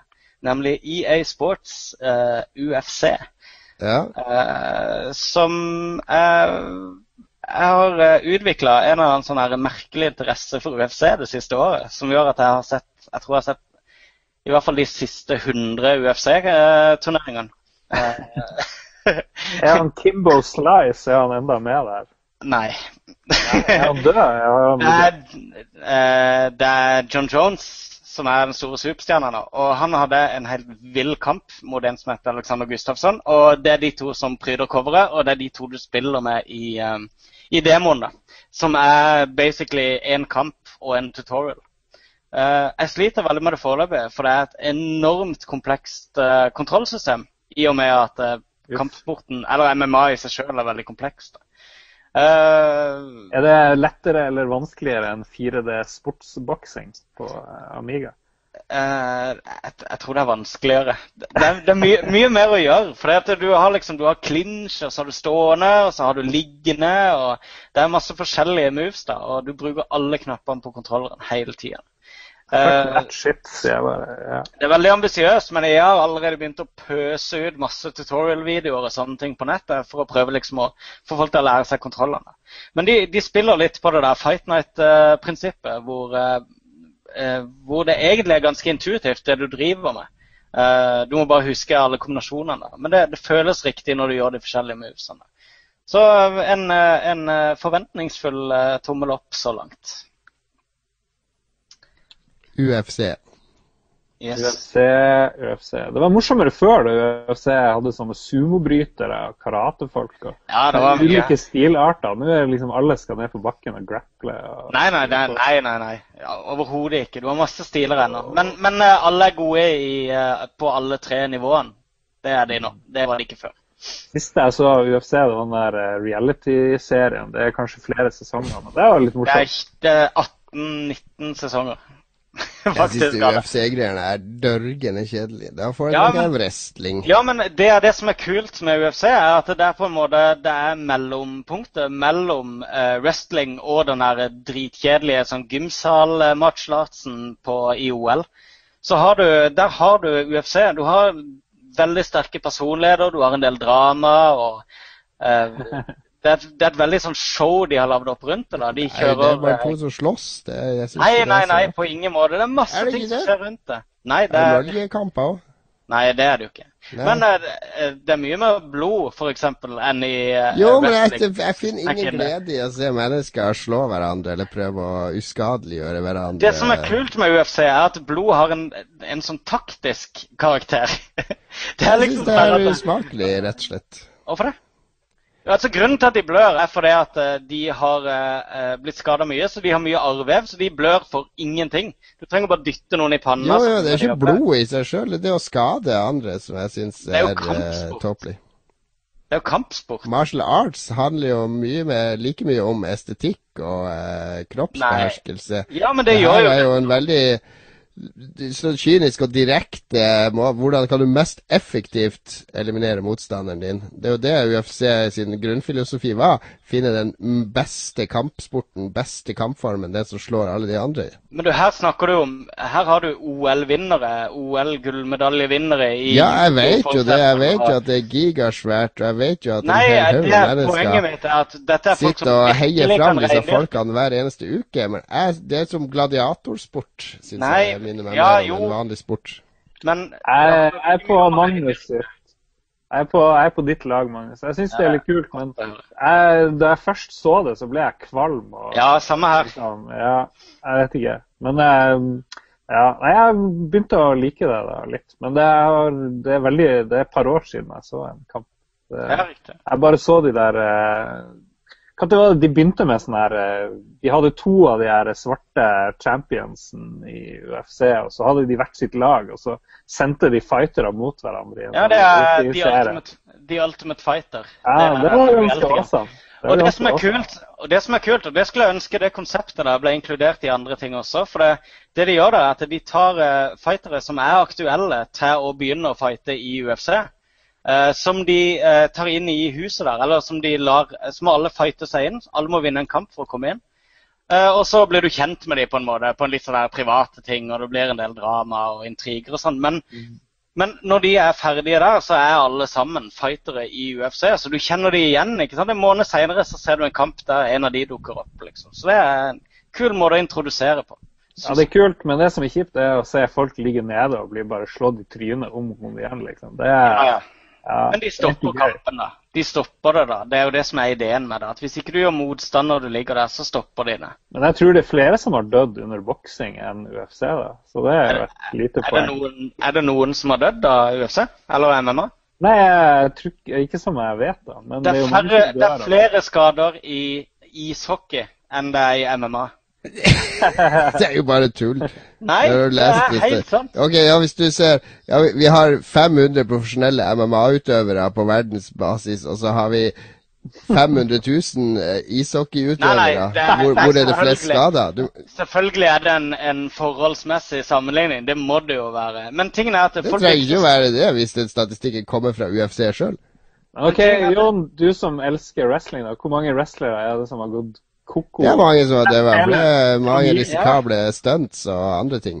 De har jo dødd vilt, og så har de drept familien sin i sånn her eh, Ja, en del testosteronrus. eh, Det har de jo Der har du en sånn der, der har en sånn hedonisk dyrkning av sånne testosteronfolk som, det som eh, hyller doping og eh, sånn patriotisme. Er det noe som er ugly i USA, så er det jo det er jo wrestlinga. Nei, jo det var i gamle dager. Nei, men du ser på så mye UFC du vil, du og, alle er er svensker og andre pretensiøse som tror at det her er den store, kule, nye trendsporten. Det er helt greit, det. Jeg holder meg unna. Lar ikke ungene mine se på det heller. I England så har de sånne faste UFC-turneringer med barn, der ungene til fansen får lov å slåss i ringen. Det er kul greie. Ja, det er jo, det er jo MMA. Det, det er jo Jeg skjønner ikke at det er. Jo. Ja, bra, bra opplegg. Slåssing er bra. Ja, kompiser som lærer barna sine kampsport. Jeg syns det er helt isen. Kampsport er bra, men slåssing er ikke bra. Men eh, ja, det her var en UFC-demo du har uh, spilt. Yes. Ja, og dine religiøse overbevisninger her eh, jo, Jeg har ingenting med religion å gjøre. Det har med eh, medmenneskelighet Fikk vi noen konklusjon om man bør spille den der demoen eller ikke? Ja, jeg, jeg ga det en, eh, en eh, håpefull tommel opp, tror jeg. Mener jeg husker at jeg sa. En, en tommel i øyet til uh, UFC-demoen. Men eh, kan- jeg si en aller siste ting? For det, um, jeg har eh, på T-banen på vei til Nydalen, der jeg har lest, har jeg sittet konstant med uh, Ghost Trick eh, på iPad. Bare sånn at jeg kan anbefale noe håndholdt. Også. Det er et dødsfett eh, adventure-spill som jeg plutselig oppdaga hadde et fantastisk soundtrack òg. Jeg som ikke er så interessert i spillmusikk eh, eh, vanligvis. Men jeg plugga plutselig headseten da, og oppdaga at eh, Du må fortelle hva Ghost Trick er, for det er vel Ja. ingen av lytterne som vet hva det er. Ghost Trick er et uh, adventure-spill som begynner med at du dør eh, og blir om til et spøkelse. Og Det er Murdered kan Soul Suspect du snakker om her. Absolutt ikke. Okay. ok. Eh, i, I denne verden her så kan de bare bevege seg med å transportere seg gjennom, eller via gjenstander som befinner seg i området. Så det handler egentlig om at eh, du får et uh, område du befinner deg i. Uh, og noen har nettopp dødd. Du har muligheten til å spole tida fire minutter tilbake. Og du har fire minutter på å stoppe en kjedereaksjon som til slutt ender med at de dør. Det er jo et 3D-spill. Helt riktig. Eh, og du bruker touchskjermen eh, hyppig og uhemma. Eh, litt cheesy humor. Litt merkelig Det er jo genial humor. Jeg synes. Ja, det er briljant spill. Ja, eh, hovedpersonen heter Sissel, som er ganske vittig. Eh, men grafikken, musikken, alt og gameplayet er dødsgøy. Mm. Det er veldig 2D, veldig old school. Det ligner på et adventure-spill, bare med mye Ja. mye større budsjett, på et vis. Men det er jo korte scener. Det er jo stort sett bare én skjerm, på et vis. Men de har lagt mye Ja. sjel i, i å vekke de her folkene til live, syns jeg. Ja, ikke minst i, i animasjonene, som er helt Mm. Det er en helt annen dimensjon. Jeg skulle ønske de kunne legge like mye inn i animasjonene i andre spill òg, for det er, det er virkelig kunstverk, det der, altså. Men du, men du Vi har jo diskutert før, fordi du liker jo ikke å spille på DS og sånn. Hvorfor er det greit å spille et DS-spill når det er på iPaden når du er ute og reiser, ikke på Å, nei, DS? nei det, er noe, det er ikke noe forskjell på akkurat det. det er, grunnen til at jeg ikke spiller på DS og håndholdt, er fordi jeg sjelden er ute og reiser og uh, har tid til å sette meg ned med disse spillene her. Nå har det vært litt, uh, litt det her er jo et. DS-spill, da, så det had, du hadde jo hatt like mye tid til å spille det her på TV-en som på Ja, iPaden. eh, selvfølgelig. Og dette kosta mye mindre fordi det var på iPad. Ja, uh, iPad, iPaden har jo mye større skjerm. Det er jo mye Ja, det bedre å drive og bevege på den enn på en Det har han, men, men hadde jeg hatt det på DS, så hadde jeg ikke hatt noe problem med å spille den der i stedet. Men det er jo et slags puzzlespill. da. Du må prøve og feile ganske mye og finne ut hvilken rekkefølge du skal påvirke verden i. Du kan liksom gå inn Ja. i en paraply, og så kan du gå inn i veggen et sted, og ditt og datt. Og... Nei, det Men, men eh, du har god tid på, det, på å gjøre det du skal. og det er veldig kjell. Jeg har sittet fast én gang, og det var en sånn veldig omfattende uh, sekvens. Det er rel relativt lett, men feel good, og det er gøy å klare ting. Du føler deg smart når du klarer det. og ja, og det er vel Men- free to play først, tror jeg, så må du Ja, kjøpe den. og- Så, må, så koster det penger. Ja, men det er verdt det, da. Man skal betale penger for spillene sine, det er min Ja filosofi. Jo, men det fins grenser for hvor mye man skal betale for spillene sine. Ja, altså så lenge du får Ja, vi skal ikke ta den debatten nå, da. Nei, den tar vi- så lenge, så lenge du ikke konstant blir sugd og tappa for penger, så er det helt greit. Betale Nei. for å låse opp noe greier og spille, det er fint. Men jeg så at eh, Hva var det? eh, Dragon Quest eh, Er det syveren som nettopp ble lansert for iPad? Åtteren Var det åtte? Var det ikke? Var Ja, det det skulle Ok. Men jeg tror det Nei, det kom på Android, faktisk, tror jeg det sto. Ja, men det kom på iPad òg, tror jeg. Til 150 kroner. Og, Ja, det er billig. ja, men er det billig? For på PS2 så koster det spillet i dag 30 spenn. Ja, det er billig. PS2. Hvem er det som har PS2? Hva Det var et, det var et PS2-spill, da. Ikke sant? Ja, ok. Når Det, det, jeg synes det er billig. Ja, det er stemmeskuespill fra Little Britain-folka i Dragon Quest 8. Bare det alene er Ja, fantastisk stemmeskuespill i det spillet. Det alene er verdt spillet. Spillet var dritbra, men jeg kom aldri så langt på det. Jeg bare likte det så godt. Så jeg vurderte å kjøpe det på iPad. altså. Men uh, nå, nå vil ikke jeg snakke mer om spillet jeg har spilt. Ja, nei, nå er, eh, nå er, du er jo sku, Det går, kommer til å bli dårlig med eksamenene dine så mye du driver og spiller for tida. Eh, Nei, jeg har bare gått i to uker uten å kunne snakke om det. Ja. Nei, jeg har ikke så mye å nevne av ting jeg har spilt i det siste. Jeg har spilt veldig lite. Men jeg testa alternativet til Hearthstone, som er Soul, Soulforge. SOL Forge. Og det er et spill hvor du har fire lanes. Eh, De som er glad i lanes-spill, vil jo kjenne seg igjen her. Du får fem kort, eh, begge spillerne, og så kan du legge dem ut på fire baner. Du kan bare legge ut ett kort eh, i runden, hvis jeg husker rett. Nei, kanskje ikke. Nå driver jeg kanskje og tuller.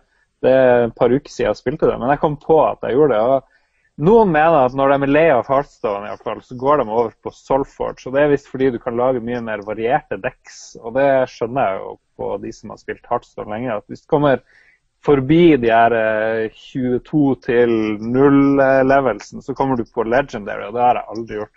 Men når du kommer opp så høyt, så møter du bare de samme deksene. Men det samme problemet eksisterer visst ikke i Solforge. Og men det er jo litt morsomt at begge spillerne har fire kort, og eh, mulig å ha de ute samtidig. Og da er det de kortene som er vendt mot hverandre i de her fire lanesene, som får lov å kjempe. Og det gjør det jo litt eh, forskjellig. Og hver gang det er en ny runde, så forsvinner kortene dine. Så får du nye fem kort helt nederst på banen. Så det blir en litt annen dynamikk. Problemet mitt var jo at det ser så mye dårligere ut, og interfacet er ufattelig elendig i forhold til hardstone. Det er jo der de gjør det bra, med at alt er enkelt og ting er animert, og du har bra lyd og du har bra musikk og alt det der. Men eh, Solforge er, anbefaler jeg til i hvert fall de som er lei av hardstone i hvert fall. Det kan være mitt eh, bidrag i dag. Det virker rimelig dypt. Du kan gjøre veldig mye, og spillmekanikken er veldig annerledes. Men noe sånn endelig terningkast det tør jeg ikke kaste i dag, i hvert fall. Hmm. Over til Oslo. Ja, eh, Ja, det, det er strengt Ja, tatt hallo! bare ja. uh, jeg ser på det nå. Uh, jeg er enig, det ser ikke like pent ut. Men eh, jeg har kikka litt på det tidligere med det der eh, eh, opplegget. Men er det ett kort i runden, da? Var det det du sa? Nei, Nå husker jeg ikke, nå skal ikke jeg påstå at det var ett kort i runden, men det var rimelig begrensa. Du, du føles litt mer sånn innestengt i hvert fall enn det du gjorde i, i Hearthstone. Det er mer sånn rigide regler da, på et vis. Men interfacet er helt forferdelig. Så ja, det er der det bremser litt på meg, da. kan du si. Det er jo der eh, Blizzard uh, briljerer. Det var det de gjorde riktig med World of Warcraft også. De tok jo eh, veldig mye rigide online-rollespill og så bare blanda de sammen og gjorde det eh, ufattelig intuitivt og, og eh, lesbart for alle dødelige. Så de du først spiller kortspill, så er det bare å gå for Android Netrunner med en gang. Så slipper du de barnes, barnespillene til, til Blizzard og de andre. Kjør, kjør det mest avanserte som er med en gang, så får du full tilfredsstillelse. Jeg har spilt, uh, jeg har spilt uh, Nintendo 3DS-spill som jeg ikke får lov til å si noe om, fordi forrige gang jeg klarte å bryte en Nintendo-embargo, så, så mista hele Norden det, tilgang til presseeksemplarer. Så jeg Hva ble, det. hva ble slutten på visa der, da, egentlig? Er det helt slutt? Nei, jeg tror det er fortsatt pågår en eller annen Kafka-aktig prosess nede i Tyskland. Så vi får se hva enden på visa blir. Jeg får nå fortsatt spill fra de når jeg spør, så Solforge har ikke noe egen Wikipedia-side ennå. Så nytt eh, er det tydeligvis. skandale. Men jeg har spilt, eh, i tillegg til det 3DS-spillet som jeg kan snakke om neste gang, så har jeg selvfølgelig spilt norske Among the Sleep, den lille skrekknovellen fra Hamar-studioet Krillbite. Det ble slakta i Eurogamer. Jeg så det. Jeg syns jeg var litt uh, uh, Ja, det var et par rare argumenter der, men jeg ser noen av argumentene hans. Men jeg, jeg likte det veldig godt, fordi det er For det første så har de skjønt hvordan du skal få spilleren til å føle seg som noe annet enn bare en spiller. Altså, I nesten alle førstepersonsspill man spiller, så har man full kontroll og løper fort og hopper og gjør alt man vil, mens her så har de med vilje begrensa kontroll. Litt sånn de gjorde i Resident Evil. Du vagger fremover, du kan ramle av og til, gjør den her ungen, og du har et veldig lavt perspektiv, og du føler deg veldig liten og hjelpeløs. Det har de virkelig naila.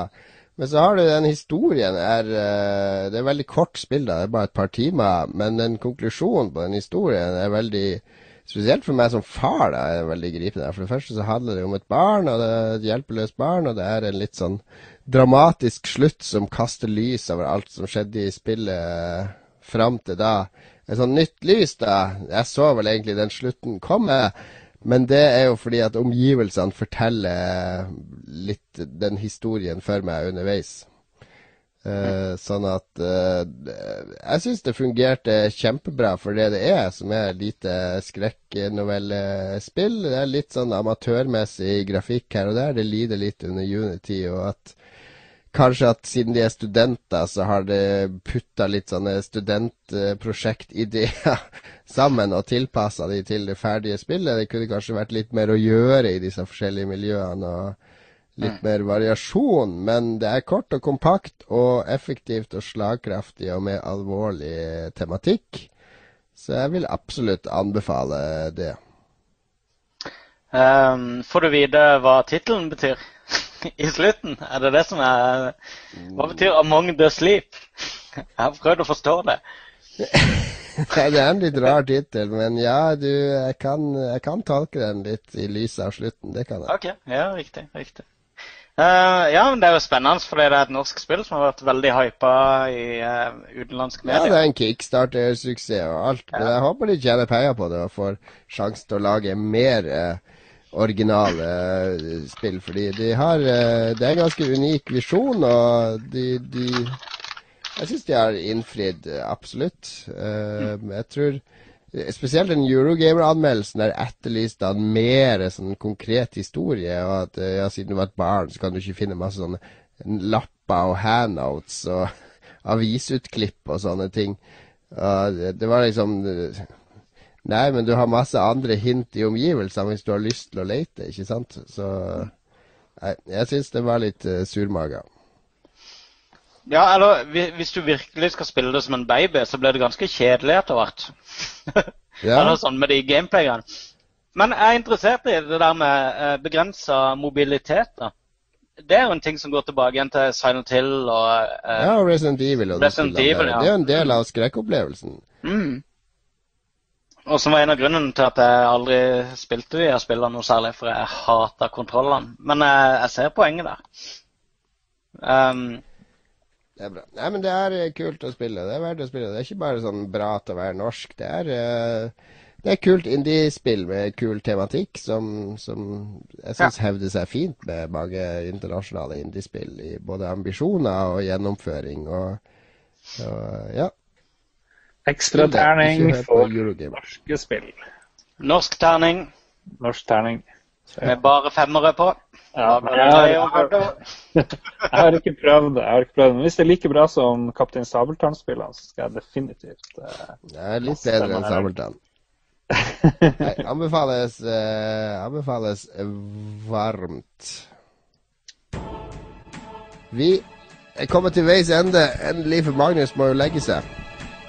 Ble det ikke noe Booyah, tror bare. Det får Åh. bli under vår Jeg kan ikke spille fra YouTube, Lars. Det har jeg forklart deg gang. Jeg må inn i uh, paden her. Du har ikke forklart meg noe som helst. Desinformasjon. Vi sparer Blyant-klipp til vi er i Los Angeles. Two men in one! Ja. Two minute morning. Nå er det um, ett minutts morning. Vi er ferdig med Lolbua for i dag. Det er siste sending fra norsk jord. Neste Vi, blir, vi legger vel ut en uh, to-tre episoder i løpet av LA. Eh, Ja, vi blir ikke må- livesendinger derifra da, men vi legger ut eh, redigerte lydfiler fra meg og Lars sine opplevelser der borte. Så det er bare å følge med hele neste uke. Ikke bare sitte og se på de her kjedelige presentasjonene. Må heller høre på vår tolking av presentasjonen. Ikke bare, ikke bare sitte og glane deg i hjel på alle trailere og alt mulig tull fra gjetere tar litt tid til å uh, være sammen med oss i Lolbua. Oi, eh, ja. Er, Jon Cato er glad i dere, alle navere. Det er under. Jeg sier det aldri rett ut, men kanskje innerst inne uh, har jeg litt uh, glede. Onkel Jon. Onkel Jon. Onkel Jon, takker for i dag ved å si at du må følge oss på Twitter, at Lolbua, eller på Facebook, Lolbua 2000. Men også følge oss individuelt. Et Magnus Tellefsen eller et Lars Rosen, eller et, et, et Fleksnes. Vi er tilbake neste uke med litt uh, alternative sendinger. Og så uka etter så blir det en vanlig episode. Kanskje den siste før sommerferie. Vi får se hva vi gjør da. Ha det bra. Ha det bra. Ha. Har du et enkeltpersonforetak eller en liten bedrift? Da er du sikkert lei av å høre meg snakke om hvor enkelt det er med kvitteringer og bilag i fiken, så vi eh, gir oss her, vi. Fordi vi liker enkelt. Fiken superenkelt regnskap.